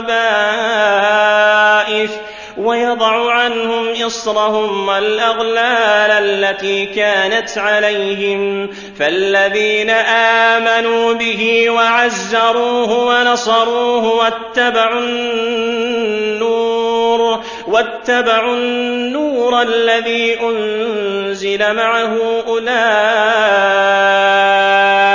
هم المفلحون. الذين يتبعون الرسول النبي الأمي احتراز عن سائر الأنبياء فإن المقصود بهذا محمد بن عبد الله بن عبد المطلب صلى الله عليه وسلم والسياق في أحوال بني إسرائيل وأن الإيمان بالنبي محمد صلى الله عليه وسلم شرط في دخولهم في الإيمان وأن المؤمنين به المتبعين هم أهل الرحمة المطلقة التي كتبها الله لهم ووصفه بالأمي لأنه من العرب الأمة الأمية التي لا تقرأ ولا تكتب. وليس عندها قبل القرآن كتاب الذي يجدونه مكتوبا عندهم في التوراة والإنجيل باسمه وصفته التي من أعظمها وأجلها ما يدعو إليه وينهى عنه وأنه يأمرهم بالمعروف وهو كل ما عرف حسنه وصلاحه ونفعه وينهاهم عن المنكر وهو كل ما عرف قبحه في العقول والفطر فيأمرهم بالصلاة والزكاة والصوم والحج وصلة الأرحام وبر الوالدين والإحسان إلى الجار والمملوك وبذل النفع لسائر الخلق والصدق والعفاف والبر والنصيحة وما أشبه ذلك وينهى عن الشرك بالله وقتل النفوس بغير حق والزنا وشرب ما يسكر العقل والظلم لسائر الخلق والكذب والفجور ونحو ذلك. فأعظم دليل يدل على أنه رسول الله ما دعا إليه وأمر به ونهى عنه وأحله وحرمه فإنه يحل لهم الطيبات من المطاعم والمشارب والمناكح ويحرم عليهم الخبائث من المطاعم والمشارب والمناكح والأقوال والأفعال ويضع عنهم إصرهم والأغلال التي كانت عليهم.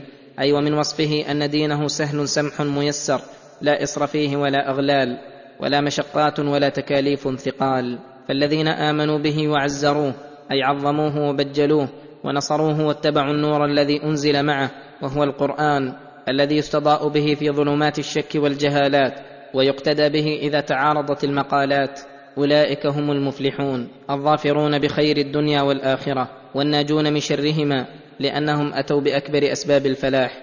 وأما من لم يؤمن بهذا النبي الأمي ويعزره وينصره ولم يتبع النور الذي أنزل معه فأولئك هم الخاسرون. ولما دعا أهل التوراة من بني إسرائيل إلى اتباعه وكان ربما توهم متوهم أن الحكم مقصور عليهم أتى بما يدل على العموم فقال قل يا ايها الناس اني رسول الله اليكم جميعا الذي له ملك السماوات الذي له ملك السماوات والارض لا اله إلا هو يحيي ويميت فآمنوا بالله ورسوله النبي الأمي الذي يؤمن بالله وكلماته واتبعوه لعلكم تهتدون. قل يا أيها الناس إني رسول الله إليكم جميعا أي عربيكم وعجميكم أهل الكتاب منكم وغيرهم الذي له ملك السماوات والأرض يتصرف فيهما بأحكامه الكونية والتدابير السلطانية وبأحكامه الشرعية الدينية التي من جملتها أن أرسل إليكم رسولا عظيما يدعوكم إلى الله وإلى دار كرامته ويحذركم من كل ما يبعدكم منه ومن دار كرامته. لا إله إلا هو أي لا معبود بحق إلا الله وحده لا شريك له ولا تعرف عبادته إلا من طريق رسله. يحيي ويميت أي من جملة تدابيره الإحياء والإماتة التي لا يشاركه فيها أحد الذي جعل الموت جسرا ومعبرا يعبر منه إلى دار البقاء. التي من آمن بها صدق الرسول محمدا صلى الله عليه وسلم قطعا. فآمنوا بالله ورسوله النبي الأمي إيمانا في القلب متضمنا لأعمال القلوب والجوارح الذي يؤمن بالله وكلماته أي آمنوا بهذا الرسول المستقيم في عقائده وأعماله واتبعوه لعلكم تهتدون في مصالحكم الدينية والدنيوية. فإنكم إذا لم تتبعوه ضللتم ضلالا بعيدا. ومن قوم موسى أمة يهدون بالحق وبه يعدلون. ومن قوم موسى أي جماعة يهدون بالحق وبه يعدلون أي يهدون به الناس في تعليمهم إياه وفتواهم له ويعدلون به بينهم في الحكم بينهم بقضاياهم كما قال تعالى وجعلناهم أئمة يهدون بأمرنا لما صبروا وكانوا بآياتنا يوقنون وفي هذا فضيلة لأمة موسى عليه الصلاة والسلام وأن الله تعالى جعل منهم هداة يهدون بأمره وكأن الإتيان بهذه الآية الكريمة فيه نوع احتراز مما تقدم فإنه تعالى ذكر فيما تقدم جملة من معايب بني إسرائيل المنافية للكمال المناقضة للهداية فربما توهم متوهم أن هذا يعم جميعهم فذكر تعالى أن منهم طائفة مستقيمة هادية مهدية.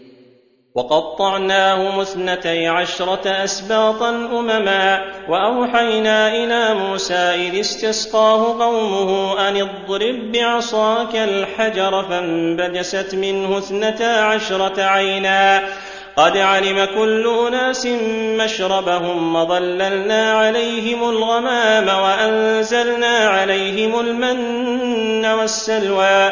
كلوا من طيبات ما رزقناكم وما ظلمونا ولكن كانوا أنفسهم يظلمون. وقطعناهم أي قسمناهم اثنتي عشرة اسباطا أمما أي اثنتي عشرة قبيلة متعارفة متوالفة كل بني رجل من أولاد يعقوب قبيلة وأوحينا إلى موسى إذ استسقاه قومه أي طلبوا منه أن يدعو الله تعالى أن يسقيهم ماء يشربون منه وتشرب منه مواشيهم وذلك لأنهم والله أعلم في محل قليل الماء.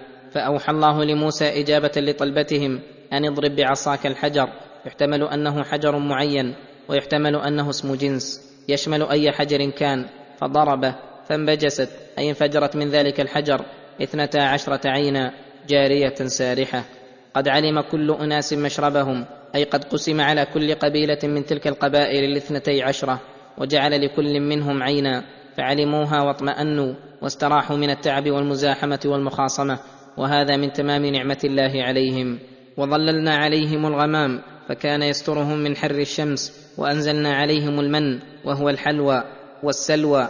وهو لحم طير من أحسن أنواع الطيور وألذها فجمع الله لهم بين الظلال والشراب والطعام الطيب من الحلوى واللحوم على وجه الراحة والطمأنينة. وقيل لهم كلوا من طيبات ما رزقناكم وما ظلمونا حين لم يشكروا الله ولم يقوموا بما أوجب الله عليهم. ولكن كانوا أنفسهم يظلمون حيث فوتوها كل خير وعرضوها للشر والنقمة وهذا كان مدة لبثهم في التيه.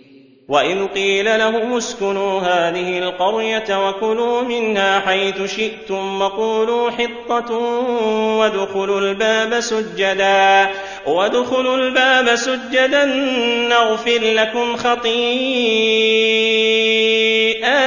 سنزيد المحسنين واذ قيل لهم اسكنوا هذه القريه اي ادخلوها لتكون وطنا لكم ومسكنا وهي ايلياء وكلوا منها حيث شئتم أي قرية كانت كثيرة الأشجار غزيرة الثمار رغيدة العيش فلذلك أمرهم الله أن يأكلوا منها حيث شاءوا.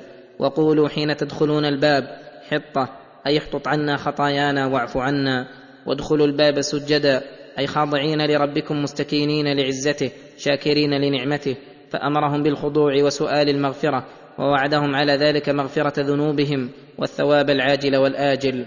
فقال نغفر لكم خطيئاتكم سنزيد المحسنين من خير الدنيا والآخرة. فبدل الذين ظلموا منهم قولا غير الذي قيل لهم فأرسلنا عليهم رجزا من السماء بما كانوا يظلمون.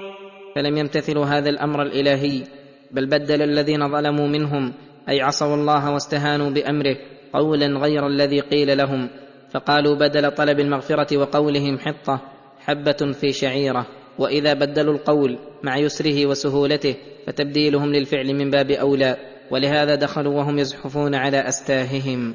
فأرسلنا عليهم حين خالفوا أمر الله وعصوه رجزا من السماء أي عذابا شديدا إما الطاعون وإما غيره من العقوبات السماوية.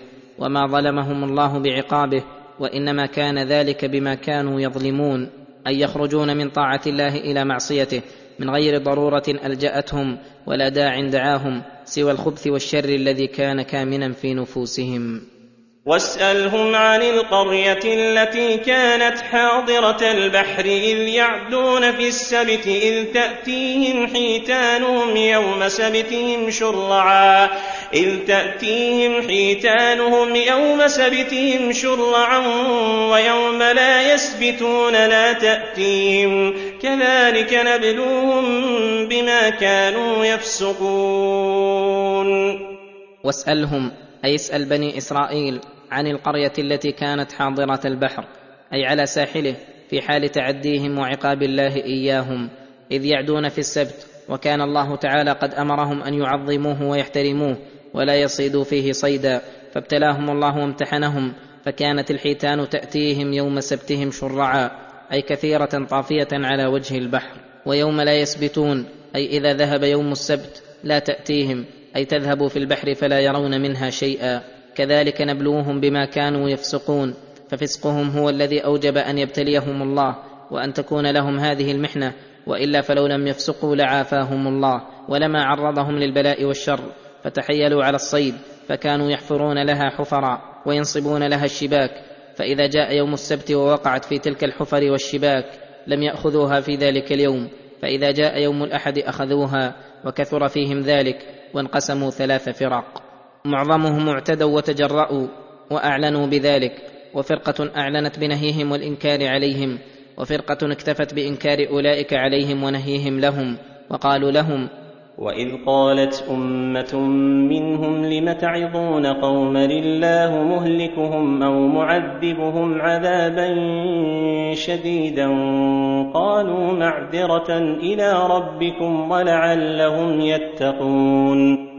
لم تعظون قوما الله مهلكهم أو معذبهم عذابا شديدا كأنهم يقولون لا فائدة في وعظ من اقتحم محارم الله ولم يصغي للنصيح بل استمر على اعتدائه وطغيانه فإنه لا بد أن يعاقبهم الله إما بهلاك أو عذاب شديد. فقال الواعظون نعظهم وننهاهم معذرة إلى ربكم أي لنعذر فيهم ولعلهم يتقون ان يتركون ما هم فيه من المعصية فلا نيأس من هدايتهم. فربما نجع فيهم الوعظ وأثر فيهم اللوم. وهذا المقصود الأعظم من إنكار المنكر ليكون معذرة وإقامة حجة على المأمور المنهي ولعل الله أن يهديه فيعمل بمقتضى ذلك الأمر والنهي. فلما نسوا ما ذكروا به أنجينا الذين ينهون عن السوء وأخذنا الذين ظلموا بعذاب بئيس بما كانوا يفسقون. فلما نسوا ما ذكروا به أي تركوا ما ذكروا به واستمروا على غيهم واعتدائهم أنجينا من العذاب الذين ينهون عن السوء. وهكذا سنة الله في عباده أن العقوبة إذا نزلت نجا منها الآمرون بالمعروف والناهون عن المنكر. وأخذنا الذين ظلموا وهم الذين اعتدوا في السبت بعذاب بئيس أي شديد بما كانوا يفسقون. وأما الفرقة الأخرى التي قالت للناهين لم تعظون قوما الله مهلكهم؟ فاختلف المفسرون في نجاتهم وهلاكهم والظاهر أنهم كانوا من الناجين لأن الله خص الهلاك بالظالمين وهو لم يذكر أنهم ظالمون فدل على أن العقوبة خاصة بالمعتدين في السبت ولأن الأمر بالمعروف والنهي عن المنكر فرض كفاية إذا قام به البعض سقط عن الآخرين فاكتفوا بإنكار أولئك ولأنهم أنكروا عليهم بقولهم لم تعظون قوما الله مهلكهم أو معذبهم عذابا شديدا؟ فأبدوا من غضبهم عليهم ما يقتضي أنهم كارهون أشد الكراهة لفعلهم وأن الله سيعاقبهم أشد العقوبة. فلما عتوا عما نهوا عنه قلنا لهم كونوا قردة خاسئين. فلما عتوا عما نهوا عنه أي فسقوا فلم يلينوا ولا اتعظوا قلنا لهم قولا قدريا كونوا قردة خاسئين فانقلبوا بإذن الله قردة وأبعدهم الله من رحمته. ثم ذكر ضرب الذلة والصغار على من بقي منهم فقال واذ تاذن ربك ليبعثن عليهم إلى يوم القيامه من يسومهم سوء العذاب ان ربك لسريع العقاب وانه لغفور رحيم. واذ تاذن ربك أي أعلم إعلاما صريحا ليبعثن عليهم إلى يوم القيامة من يسومهم سوء العذاب ان يهينهم ويذلهم إن ربك لسريع العقاب لمن عصاه حتى إنه يعجل له العقوبة في الدنيا وإنه لغفور رحيم لمن تاب إليه وأناب. يغفر له الذنوب ويستر عليه العيوب ويرحمه بأن يتقبل منه الطاعات ويثيبه عليها بأنواع المثوبات. وقد فعل الله بهم ما أوعدهم به فلا يزالون في ذل وإهانة تحت حكم غيرهم. لا تقوم لهم راية ولا ينصر لهم علم. وقطعناهم في الأرض أمما منهم الصالحون ومنهم دون ذلك. وبلوناهم بالحسنات والسيئات لعلهم يرجعون. وقطعناهم في الأرض أمما أي فرقناهم ومزقناهم في الأرض بعدما كانوا مجتمعين. منهم الصالحون القائمون بحقوق الله وحقوق عباده. ومنهم دون ذلك أي دون الصلاح إما مقتصدون وإما ظالمون لأنفسهم وبلوناهم على عادتنا وسنتنا بالحسنات والسيئات أي بالعسر واليسر. لعلهم يرجعون عما هم عليه مقيمون من الردى يراجعون ما خلقوا له من الهدى فلم يزالوا بين صالح وطالح ومقتصد. فخلف من بعدهم خلف ورثوا الكتاب يأخذون عرض هذا الأدنى ويقولون سيغفر لنا. وإن يأتهم عرض مثله يأخذوه. ألم يؤخذ عليهم ميثاق الكتاب ألا يقولوا على الله إلا الحق ودرسوا ما فيه. والدار الآخرة خير للذين يتقون فلا تعقلون. حتى خلف من بعدهم خلف زاد شرهم ورثوا بعدهم الكتاب وصار المرجع فيه إليهم وصاروا يتصرفون فيه بأهوائهم وتبذل لهم الأموال ليفتوا ويحكموا بغير الحق وفشت فيهم الرشوة. يأخذون عرض هذا الأدنى ويقولون مقرين بأنه ذنب وأنهم ظلمة سيغفر لنا وهذا قول خال من الحقيقة. فإنه ليس استغفارا وطلبا للمغفرة على الحقيقة. فلو كان ذلك لندموا على ما فعلوا وعزموا على الا يعودوا ولكنهم إذا أتاهم عرض آخر ورشوة أخرى يأخذوه. فاشتروا بآيات الله ثمنا قليلا واستبدلوا الذي هو أدنى بالذي هو خير. قال الله تعالى في الإنكار عليهم وبيان جراءتهم ألم يؤخذ عليهم ميثاق الكتاب ألا يقولوا على الله إلا الحق؟ فما بالهم يقولون عليه غير الحق اتباعا لأهوائهم وميلا مع مطامعهم والحال أنهم قد درسوا ما فيه فليس عليهم فيه إشكال بل قد أتوا أمرهم متعمدين وكانوا في أمرهم مستبصرين وهذا أعظم للذنب وأشد للوم وأشنع للعقوبة وهذا من نقص عقولهم وسفاهة رأيهم بإيثار الحياة الدنيا على الآخرة.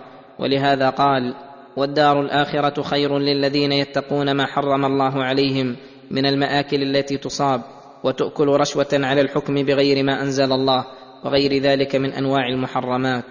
أفلا تعقلون؟ أي أفلا يكون لكم عقول توازن بين ما ينبغي إيثاره وما ينبغي الإيثار عليه وما هو أولى بالسعي إليه والتقديم له على غيره؟ فخاصية العقل النظر للعواقب. وأما من نظر إلى عاجل طفيف منقطع يفوت نعيما عظيما باقيا فأنى له العقل والرأي. وإنما العقلاء حقيقة من وصفهم الله بقوله. والذين يمسكون بالكتاب وأقاموا الصلاة إنا لا نضيع أجر المصلحين.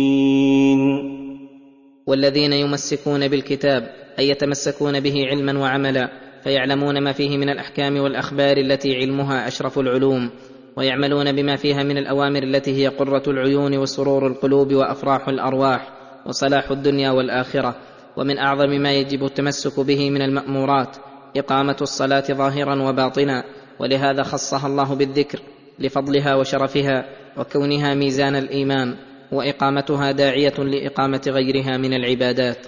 ولما كان عملهم كله اصلاحا قال تعالى إنا لا نضيع أجر المصلحين في أقوالهم وأعمالهم ونياتهم مصلحين لأنفسهم ولغيرهم. وهذه الآية وما أشبهها دلت على أن الله بعث رسله عليهم الصلاة والسلام بالصلاح لا بالفساد وبالمنافع لا بالمضار وأنهم بعثوا بصلاح الدارين فكل من كان أصلح كان أقرب إلى اتباعهم. ثم قال تعالى وإذ نتقنا الجبل فوقهم كأنه ظلة وظنوا أنه واقع بهم. خذوا ما آتيناكم بقوة واذكروا ما فيه لعلكم تتقون.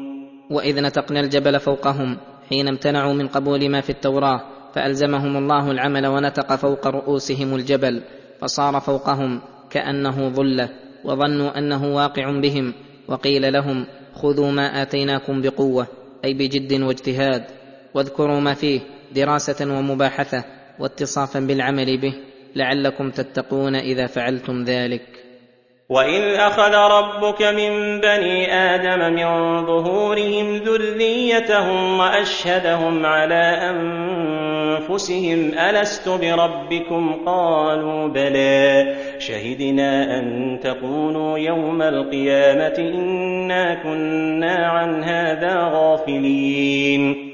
يقول تعالى وإذ أخذ ربك من بني آدم من ظهورهم ذريتهم أي أخرج من أصلابهم ذريتهم وجعلهم يتناسلون ويتوالدون قرنا بعد قرن وحين أخرجهم من بطون أمهاتهم وأصلاب آبائهم أشهدهم على أنفسهم ألست بربكم؟ أي قررهم بإثبات ربوبيته بما أودع في فطرهم من الإقرار بأنه ربهم وخالقهم ومليكهم. قالوا بلى قد أقررنا بذلك. فإن الله تعالى فطر عباده على الدين الحنيف القيم فكل أحد فهو مفطور على ذلك ولكن الفطرة قد تغيروا وتبدلوا بما يطرأ عليها من العقائد الفاسدة. ولهذا قالوا بلى شهدنا أن تقولوا يوم القيامة إنا كنا عن هذا غافلين أي انما امتحناكم حتى أقررتم بما تقرر عندكم من أن الله تعالى ربكم خشية أن تنكروا يوم القيامة فلا تقروا بشيء من ذلك. وتزعمون أن حجة الله ما قامت عليكم ولا عندكم بها علم بل أنتم غافلون عنها لاهون. فاليوم قد انقطعت حجتكم وثبتت الحجة البالغة لله عليكم أو تحتجون أيضا بحجة أخرى فتقولون أو تقولوا إنما أشرك آباؤنا من قبل وكنا ذرية من بعدهم أفتهلكنا بما فعل المبطلون. إنما أشرك آباؤنا من قبل وكنا ذرية من بعدهم فحذونا حذوهم وتبعناهم في باطلهم أفتهلكنا بما فعل المبطلون فقد أودع الله في فطركم ما يدل على أن ما مع آبائكم باطل وأن الحق ما جاءت به الرسل وهذا يقاوم ما وجدتم عليه آباءكم ويعلو عليه. نعم قد يعرض للعبد من أقوال ابائه الضالين ومذاهبهم الفاسدة ما يظنه هو الحق وما ذاك إلا لإعراضه عن حجج الله وبيناته وآياته الأفقية والنفسية. فإعراضه عن ذلك وإقباله على ما قاله المبطلون ربما صيره بحالة يفضل بها الباطل على الحق. هذا هو الصواب في تفسير هذه الآيات. وقد قيل إن هذا يوم أخذ الله الميثاق على ذرية آدم حين استخرجهم من ظهره وأشهدهم على أنفسهم فشهدوا بذلك فاحتج عليهم بما أقروا به في ذلك الوقت على ظلمهم في كفرهم وعنادهم في الدنيا والآخرة. ولكن ليس في الآية ما يدل على هذا ولا له مناسبة ولا تقتضيه حكمة الله تعالى والواقع شاهد بذلك. فإن هذا العهد والميثاق الذي ذكروا أنه حين أخرج الله ذرية آدم من ظهره حين كانوا في عالم كالذر لا يذكره أحد. ولا يخطر ببال آدمي فكيف يحتج الله عليهم بأمر ليس عندهم به خبر ولا له عين ولا أثر؟ ولهذا لما كان هذا أمرا واضحا جليا قال تعالى وكذلك نفصل الآيات ولعلهم يرجعون. وكذلك نفصل الآيات أي نبينها ونوضحها ولعلهم يرجعون إلى ما أودع الله في فطرهم وإلى ما عاهدوا الله عليه فيرتدعون عن القبائح. واتل عليهم نبأ الذي آتيناه آياتنا فانسلخ منها فأتبعه الشيطان فكان من الغاوين. يقول تعالى لنبيه صلى الله عليه وسلم واتل عليهم نبأ الذي آتيناه آياتنا أي علمناه علم كتاب الله فصار العالم الكبير والحبر النحرير فانسلخ منها فأتبعه الشيطان أي انسلخ من الاتصاف الحقيقي بالعلم بآيات الله فإن العلم بذلك يصير صاحبه متصفا بمكارم الأخلاق ومحاسن الأعمال ويرقى إلى أعلى الدرجات وأرفع المقامات. فترك هذا كتاب الله وراء ظهره ونبذ الأخلاق التي يأمر بها الكتاب وخلعها كما يخلع اللباس.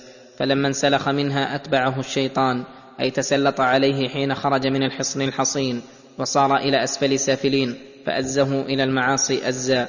فكان من الغاوين بعد أن كان من الراشدين المرشدين. وهذا لأن الله تعالى خذله ووكله إلى نفسه. فلهذا قال تعالى ولو شئنا لرفعناه بها ولكنه أخلد إلى الأرض واتبع هواه فمثله كمثل الكلب إن تحمل عليه يلهث أو تتركه يلهث. ذلك مثل القوم الذين كذبوا بآياتنا. فاقصص القصص لعلهم يتفكرون. ولو شئنا لرفعناه بها بأن نوفقه للعمل بها فيرتفع في الدنيا والآخرة فيتحصن من أعدائه ولكنه فعل ما يقتضي الخذلان فأخلد إلى الأرض أي إلى الشهوات السفلية والمقاصد الدنيوية واتبع هواه وترك طاعة مولاه فمثله في شدة حرصه على الدنيا وانقطاع قلبه إليها كمثل الكلب إن تحمل عليه يلهث أو تتركه يلهث أي لا يزال لاهثا في كل حال وهذا لا يزال حريصا حرصا قاطعا قلبه لا يسد فاقته شيء من الدنيا. ذلك مثل القوم الذين كذبوا بآياتنا بعد أن ساقها الله إليهم فلم ينقادوا لها بل كذبوا بها وردوها لهوانهم على الله واتباعهم لأهوائهم بغير هدى من الله. فاقصص القصص لعلهم يتفكرون في ضرب الأمثال وفي العبر والآيات فإذا تفكروا علموا وإذا علموا عملوا. ساء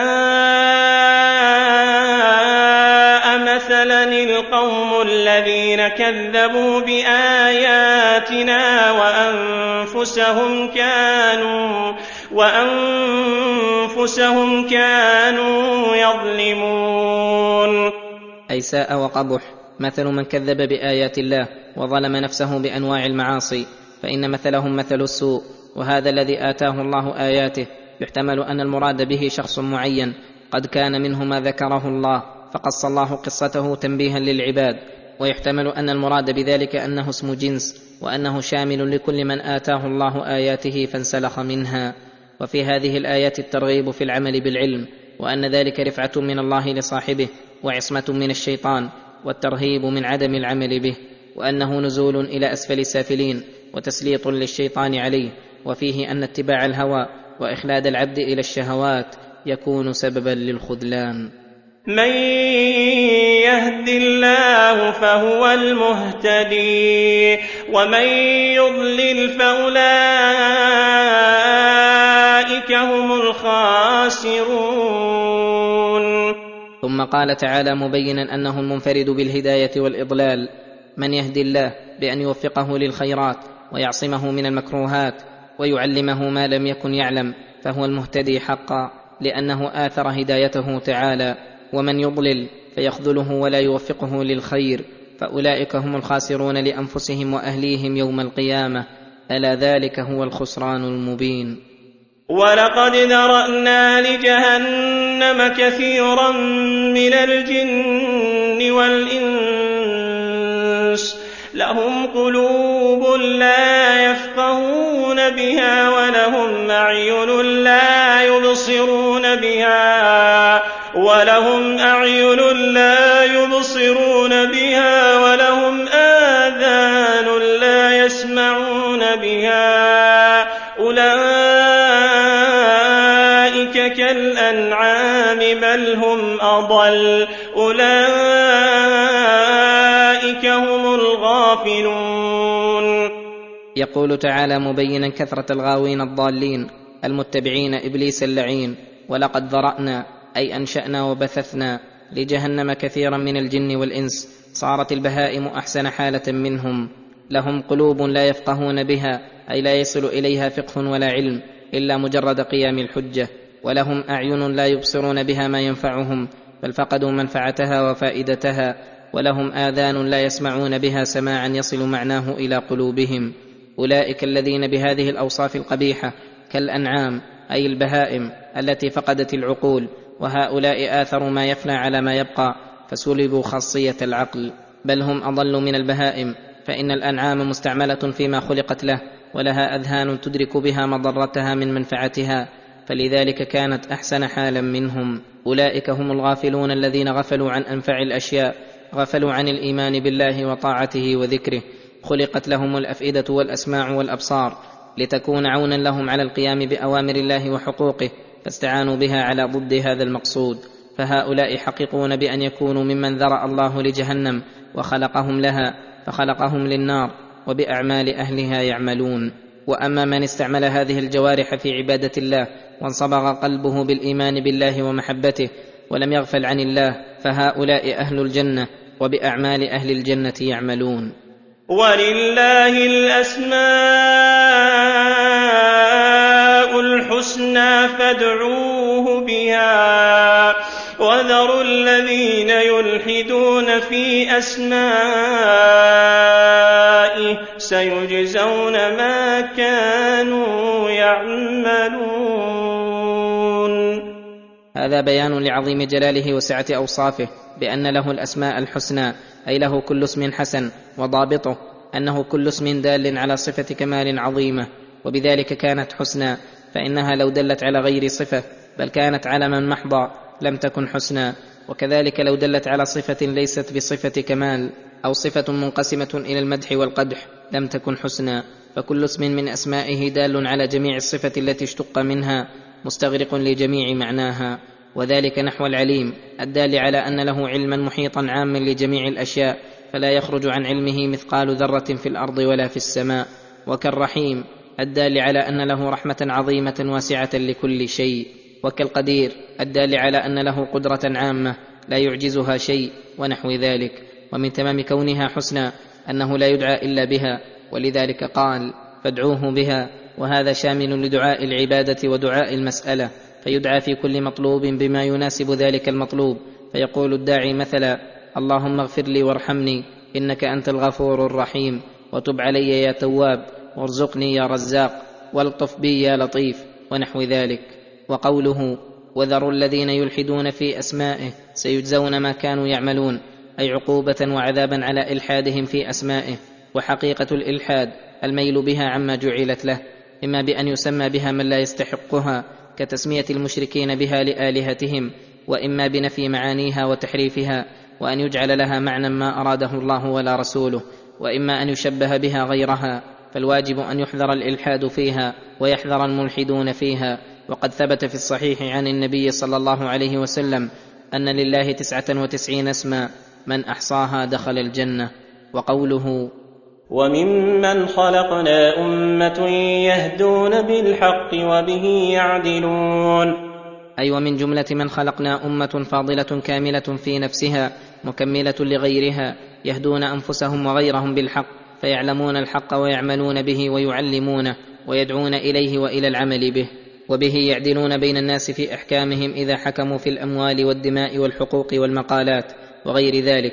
وهؤلاء هم أئمة الهدى ومصابيح الدجى وهم الذين أنعم الله عليهم بالإيمان والعمل الصالح والتواصي بالحق والتواصي بالصبر.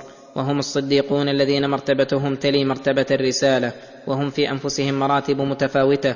كل بحسب حاله وعلو منزلته فسبحان من يختص برحمته من يشاء والله ذو الفضل العظيم. والذين كذبوا بآياتنا سنستدرجهم من حيث لا يعلمون وأملي لهم إن كيدي متين. اي والذين كذبوا بآيات الله الدالة على صحة ما جاء به محمد صلى الله عليه وسلم من الهدى فردوها ولم يقبلوها سنستدرجهم من حيث لا يعلمون بأن يدر لهم الأرزاق وأملي لهم أي أمهلهم حتى يظنوا أنهم لا يؤخذون ولا يعاقبون فيزدادون كفرا وطغيانا وشرا إلى شرهم وبذلك تزيد عقوبتهم ويتضاعف عذابهم فيضرون أنفسهم من حيث لا يشعرون. ولهذا قال إن كيدي متين أي قوي بليغ.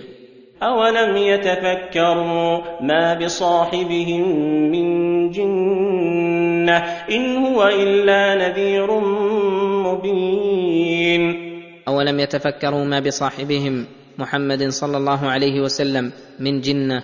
أي أولم يعملوا أفكارهم وينظروا هل في صاحبهم الذي يعرفونه ولا يخفى عليهم من حاله شيء؟ هل هو مجنون؟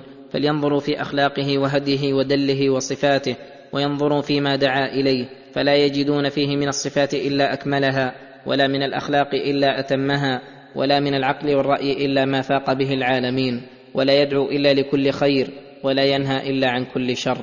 أفبهذا يا أولي الألباب من جنة؟ أم هو الإمام العظيم والناصح المبين والماجد الكريم والرؤوف الرحيم؟ ولهذا قال إن هو إلا نذير مبين اي يدعو الخلق إلى ما ينجيهم من العذاب ويحصل لهم الثواب. أولم ينظروا في ملكوت السماوات والأرض وما خلق الله من شيء وأن عسى أن يكون قد اقترب أجلهم فبأي حديث بعده يؤمنون اولم ينظروا في ملكوت السماوات والارض فانهم اذا نظروا اليها وجدوها ادله داله على توحيد ربها وعلى ما له من صفات الكمال وكذلك لينظروا إلى جميع ما خلق الله من شيء فإن جميع أجزاء العالم يدل أعظم دلالة على علم الله وقدرته وحكمته وسعة رحمته وإحسانه ونفوذ مشيئته وغير ذلك من صفاته العظيمة الدالة على تفرده بالخلق والتدبير الموجبة لأن يكون هو المعبود المحمود المسبح الموحد المحبوب. وقوله وأن عسى أن يكون قد اقترب أجلهم أي لينظروا في خصوص حالهم وينظروا لأنفسهم قبل أن يقترب أجلهم ويفجأهم الموت وهم في غفلة معرضون فلا يتمكنون حينئذ من استدراك الفارق. فبأي حديث بعده يؤمنون؟ أي إذا لم يؤمنوا بهذا الكتاب الجليل فبأي حديث يؤمنون به؟ أبكتب الكذب والضلال؟ أم بحديث كل مفتر دجال؟ ولكن الضال لا حيلة فيه ولا سبيل إلى هدايته. ولهذا قال تعالى من يضلل الله فلا هادي له ويذرهم في طغيانهم يعمهون. أي متحيرين يترددون لا يخرجون منه ولا يهتدون إلى حق.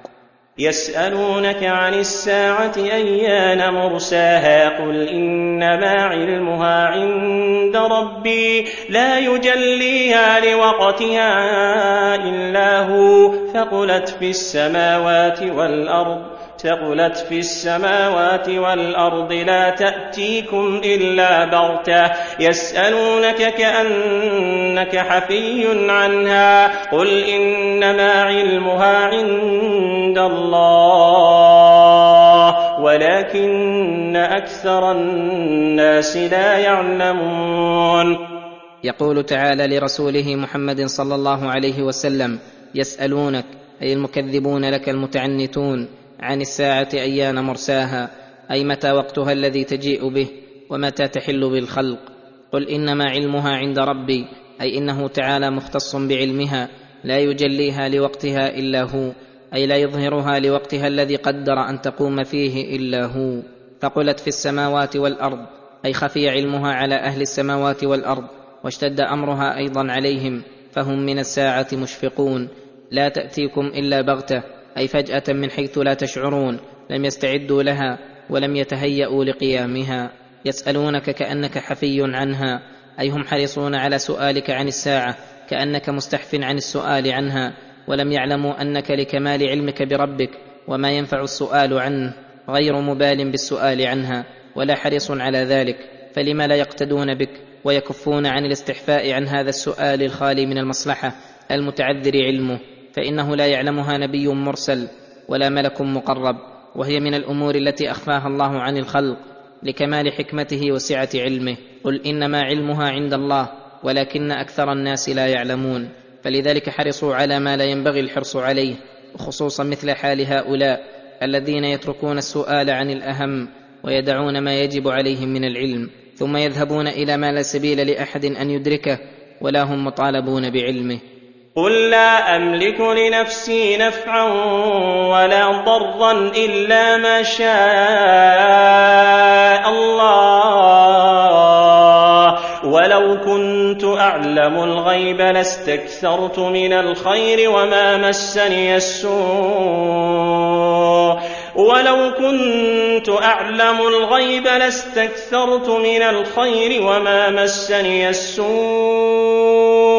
إن أنا إلا نذير وبشير لقوم يؤمنون. قل لا أملك لنفسي نفعا ولا ضرا فإني فقير مدبر لا يأتيني خبر إلا من الله ولا يدفع عني الشر إلا هو وليس لي من العلم إلا ما علمني الله تعالى. ولو كنت أعلم الغيب لاستكثرت من الخير وما مسني السوء. أي لفعلت الأسباب التي أعلم أنها تنتج لي المصالح والمنافع ولحذرت من كل ما يفضي إلى سوء ومكروه لعلمي بالأشياء قبل كونها وعلمي بما تفضي إليه. ولكني لعدم علمي قد ينالني ما ينالني من السوء وقد يفوتني ما يفوتني من مصالح الدنيا ومنافعها. فهذا أدل دليل على أني لا علم لي بالغيب. إن أنا إلا نذير أنذر العقوبات الدينية والدنيوية والأخروية وأبين الأعمال المفضية إلى ذلك وأحذر منها وبشير بالثواب العاجل والآجل ببيان الأعمال الموصلة إليه والترغيب فيها ولكن ليس كل أحد يقبل هذه البشارة والنذارة وإنما ينتفع بذلك ويقبله المؤمنون. وهذه الآيات الكريمات مبينة جهل من يقصد النبي صلى الله عليه وسلم ويدعوه لحصول نفع أو دفع ضر. فإنه ليس بيده شيء من الأمر ولا ينفع من لم ينفعه الله ولا يدفع الضر عمن لم يدفعه الله عنه ولا له من العلم إلا ما علمه الله تعالى وإنما ينفع من قبل ما أرسل به من البشارة والنذارة وعمل بذلك. فهذا نفعه صلى الله عليه وسلم الذي فاق نفع الآباء والأمهات والأخلاء والإخوان بما حث العباد على كل خير وحذرهم عن كل شر وبينه لهم غاية البيان والإيضاح. هو الذي خلقكم من نفس واحدة وجعل منها زوجها ليسكن إليها فلما تغشاها حملت حملا خفيفا فمرت به فلما أثقلت دعوا الله ربهما لئن آتيتنا صالحا لنكونن من الشاكرين.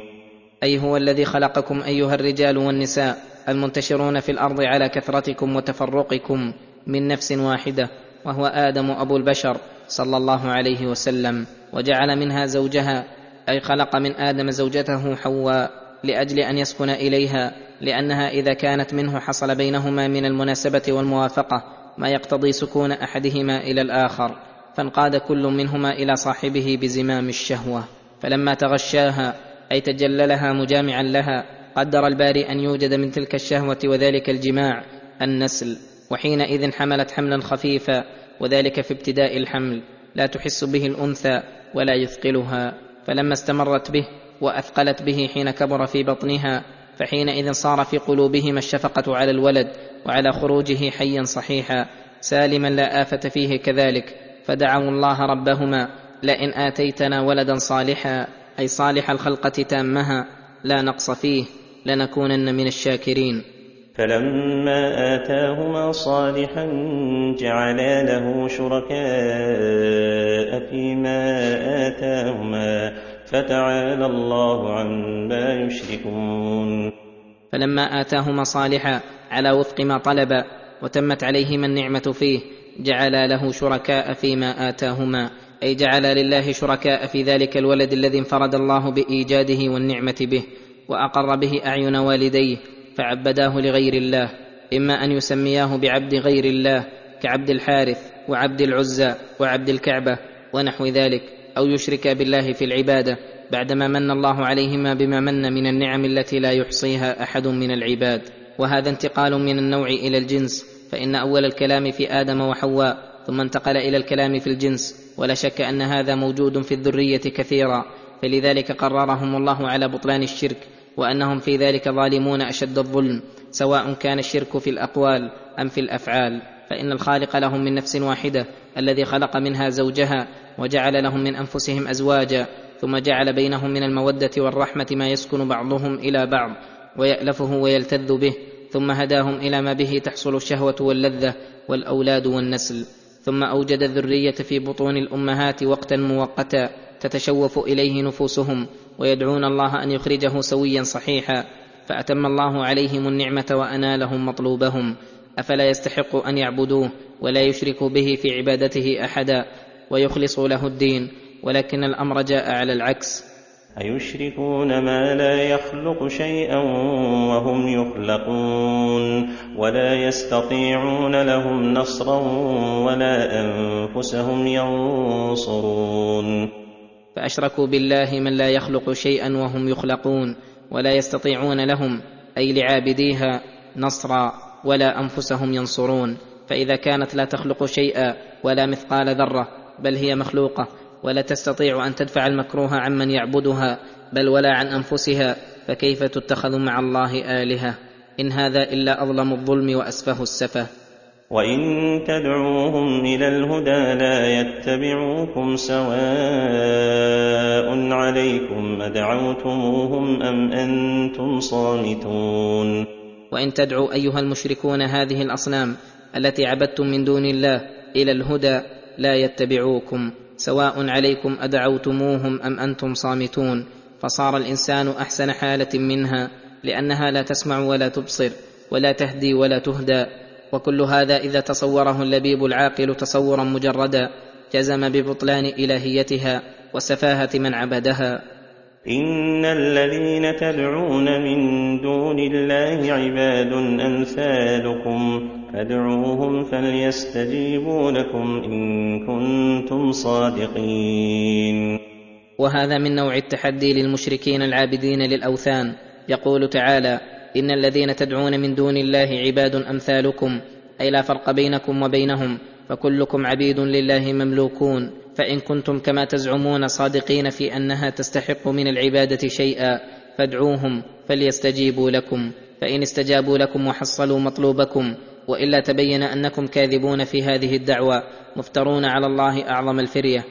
ألهم أرجل يمشون بها أم لهم أيد يبطشون بها أم لهم أعين يبصرون بها أم لهم آذان يسمعون بها قل ادعوا شركاءكم ثم كيدون فلا تنظرون وهذا لا يحتاج إلى التبين فيه فإنكم إذا نظرتم إليها وجدتم صورتها دالة على أنه ليس لديها من النفع شيء فليس لها أرجل تمشي بها ولا أيد تبطش بها ولا أعين تبصر بها ولا آذان تسمع بها فهي عادمة لجميع الآلات والقوى الموجودة في الإنسان. فإذا كانت لا تجيبكم إذا دعوتموها وهي عباد أمثالكم بل أنتم أكمل منها وأقوى على كثير من الأشياء فلأي شيء عبدتموها. قل ادعوا شركاءكم ثم كيدوني فلا تنظرون. اجتمعوا أنتم وشركاؤكم على إيقاع السوء والمكروه بي من غير إمهال ولا إنظار فإنكم غير بالغين لشيء من المكروه بي لأن وليي الله الذي يتولاني فيجلب لي المنافع ويدفع عني المضار. إن وليي الله الذي نزل الكتاب وهو يتولى الصالحين.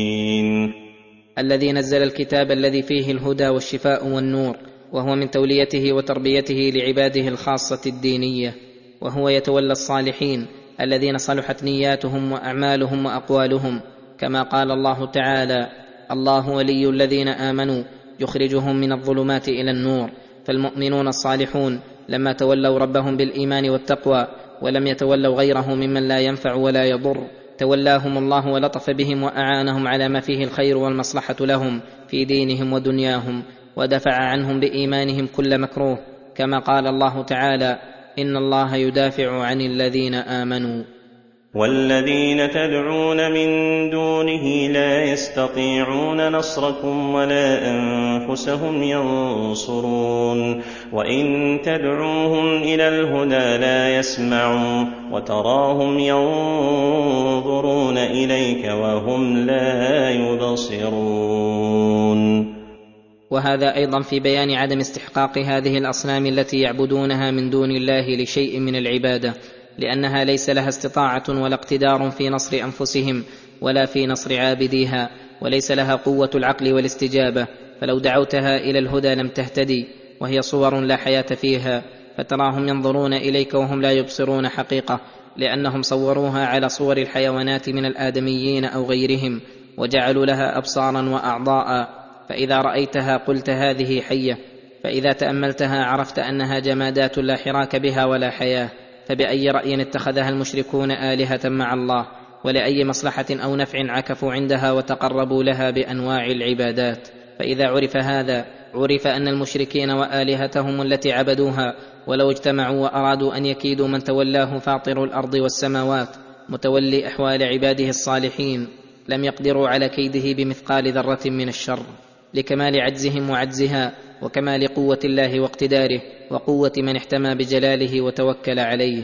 وقيل إن معنى قوله وتراهم ينظرون إليك وهم لا يبصرون أن الضمير يعود إلى المشركين المكذبين لرسول الله صلى الله عليه وسلم فتحسبهم ينظرون إليك يا رسول الله نظر اعتبار يتبين به الصادق من الكاذب ولكنهم لا يبصرون حقيقتك وما يتوسمه المتوسمون فيك من الجمال والكمال والصدق.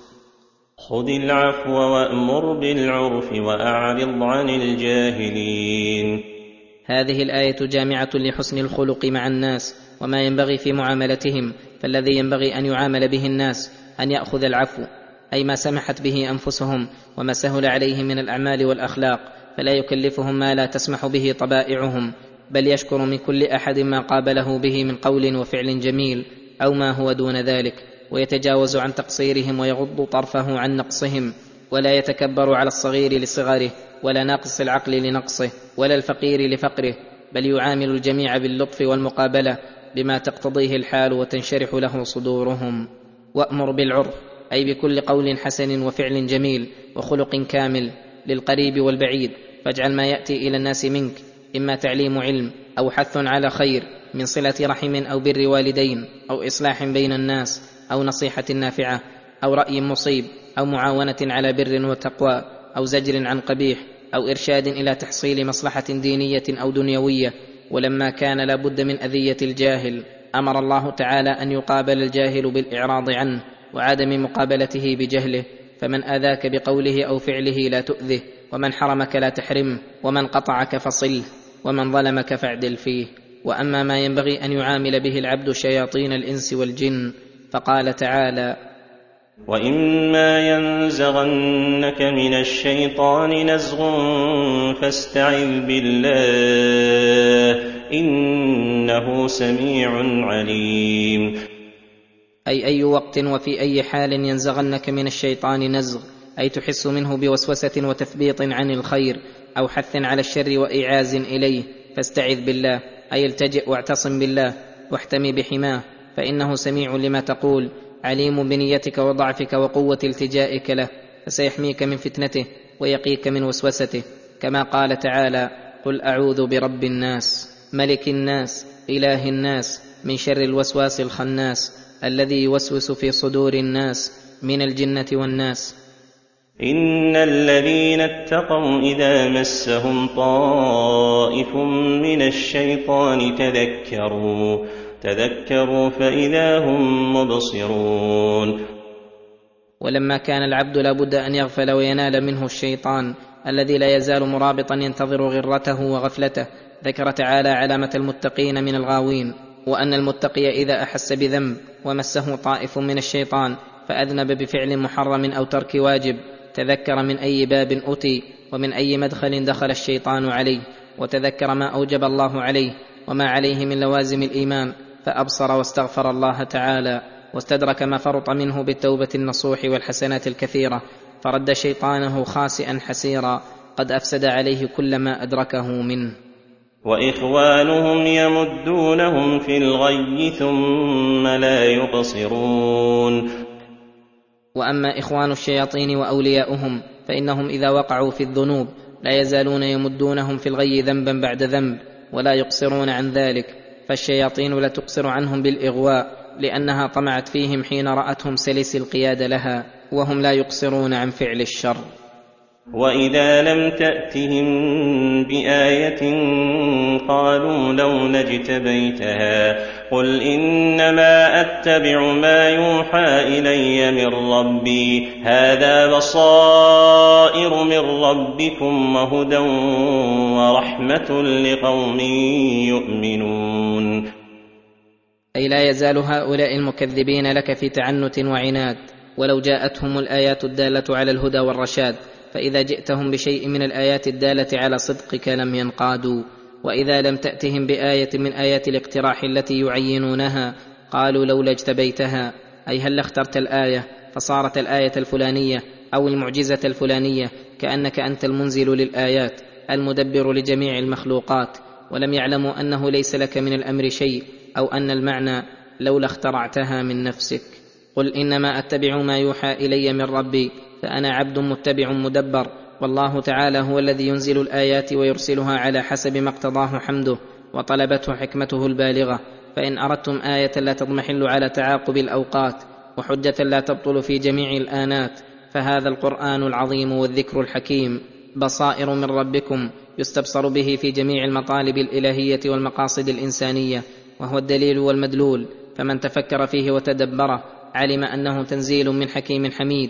لا يأتيه الباطل من بين يديه ولا من خلفه وبه قامت الحجة على كل من بلغه ولكن أكثر الناس لا يؤمنون وإلا فمن آمن فهو هدى له من الضلال ورحمة له من الشقاء فالمؤمن مهتد بالقرآن متبع له سعيد في دنياه وأخراه وأما من لم يؤمن به فإنه ضال شقي في الدنيا والآخرة. وإذا قرئ القرآن فاستمعوا له وانصتوا لعلكم ترحمون هذا الأمر عام في كل من سمع كتاب الله يتلى فإنه مأمور بالاستماع له والإنصات والفرق بين الاستماع والإنصات أن الإنصات في الظاهر بترك التحدث أو الاشتغال بما يشغل عن استماعه وأما الاستماع له فهو أن يلقي سمعه ويحضر قلبه ويتدبر ما يستمع فإن من لازم على هذين الأمرين حين يتلى كتاب الله فإنه ينال خيرا كثيرا وعلما غزيرا وايمانا مستمرا متجددا وهدى متزايدا وبصيرة في دينه. ولهذا رتب الله حصول الرحمة عليهما فدل ذلك على أن من تلي عليه الكتاب فلم يستمع له وينصت أنه محروم الحظ من الرحمة قد فاته خير كثير. ومن أوكد ما يؤمر به مستمع القرآن أن يستمع له وينصت في الصلاة الجهرية إذا قرأ إمامه فإنه مأمور بالإنصات. حتى إن أكثر العلماء يقولون إن اشتغاله بالإنصات أولى من قراءته الفاتحة وغيرها. واذكر ربك في نفسك تضرعا وخيفة ودون الجهر من القول بالغدو والآصال بالغدو والآصال ولا تكن من الغافلين. الذكر لله تعالى يكون بالقلب ويكون باللسان ويكون بهما وهو أكمل أنواع الذكر وأحواله. فأمر الله عبده ورسوله محمدا أصلا وغيره تبعا بذكر ربه في نفسه أي مخلصا خاليا تضرعا أي متضرعا بلسانك مكررا لأنواع الذكر وخيفة في قلبك بأن تكون خائفا من الله وجل القلب منه.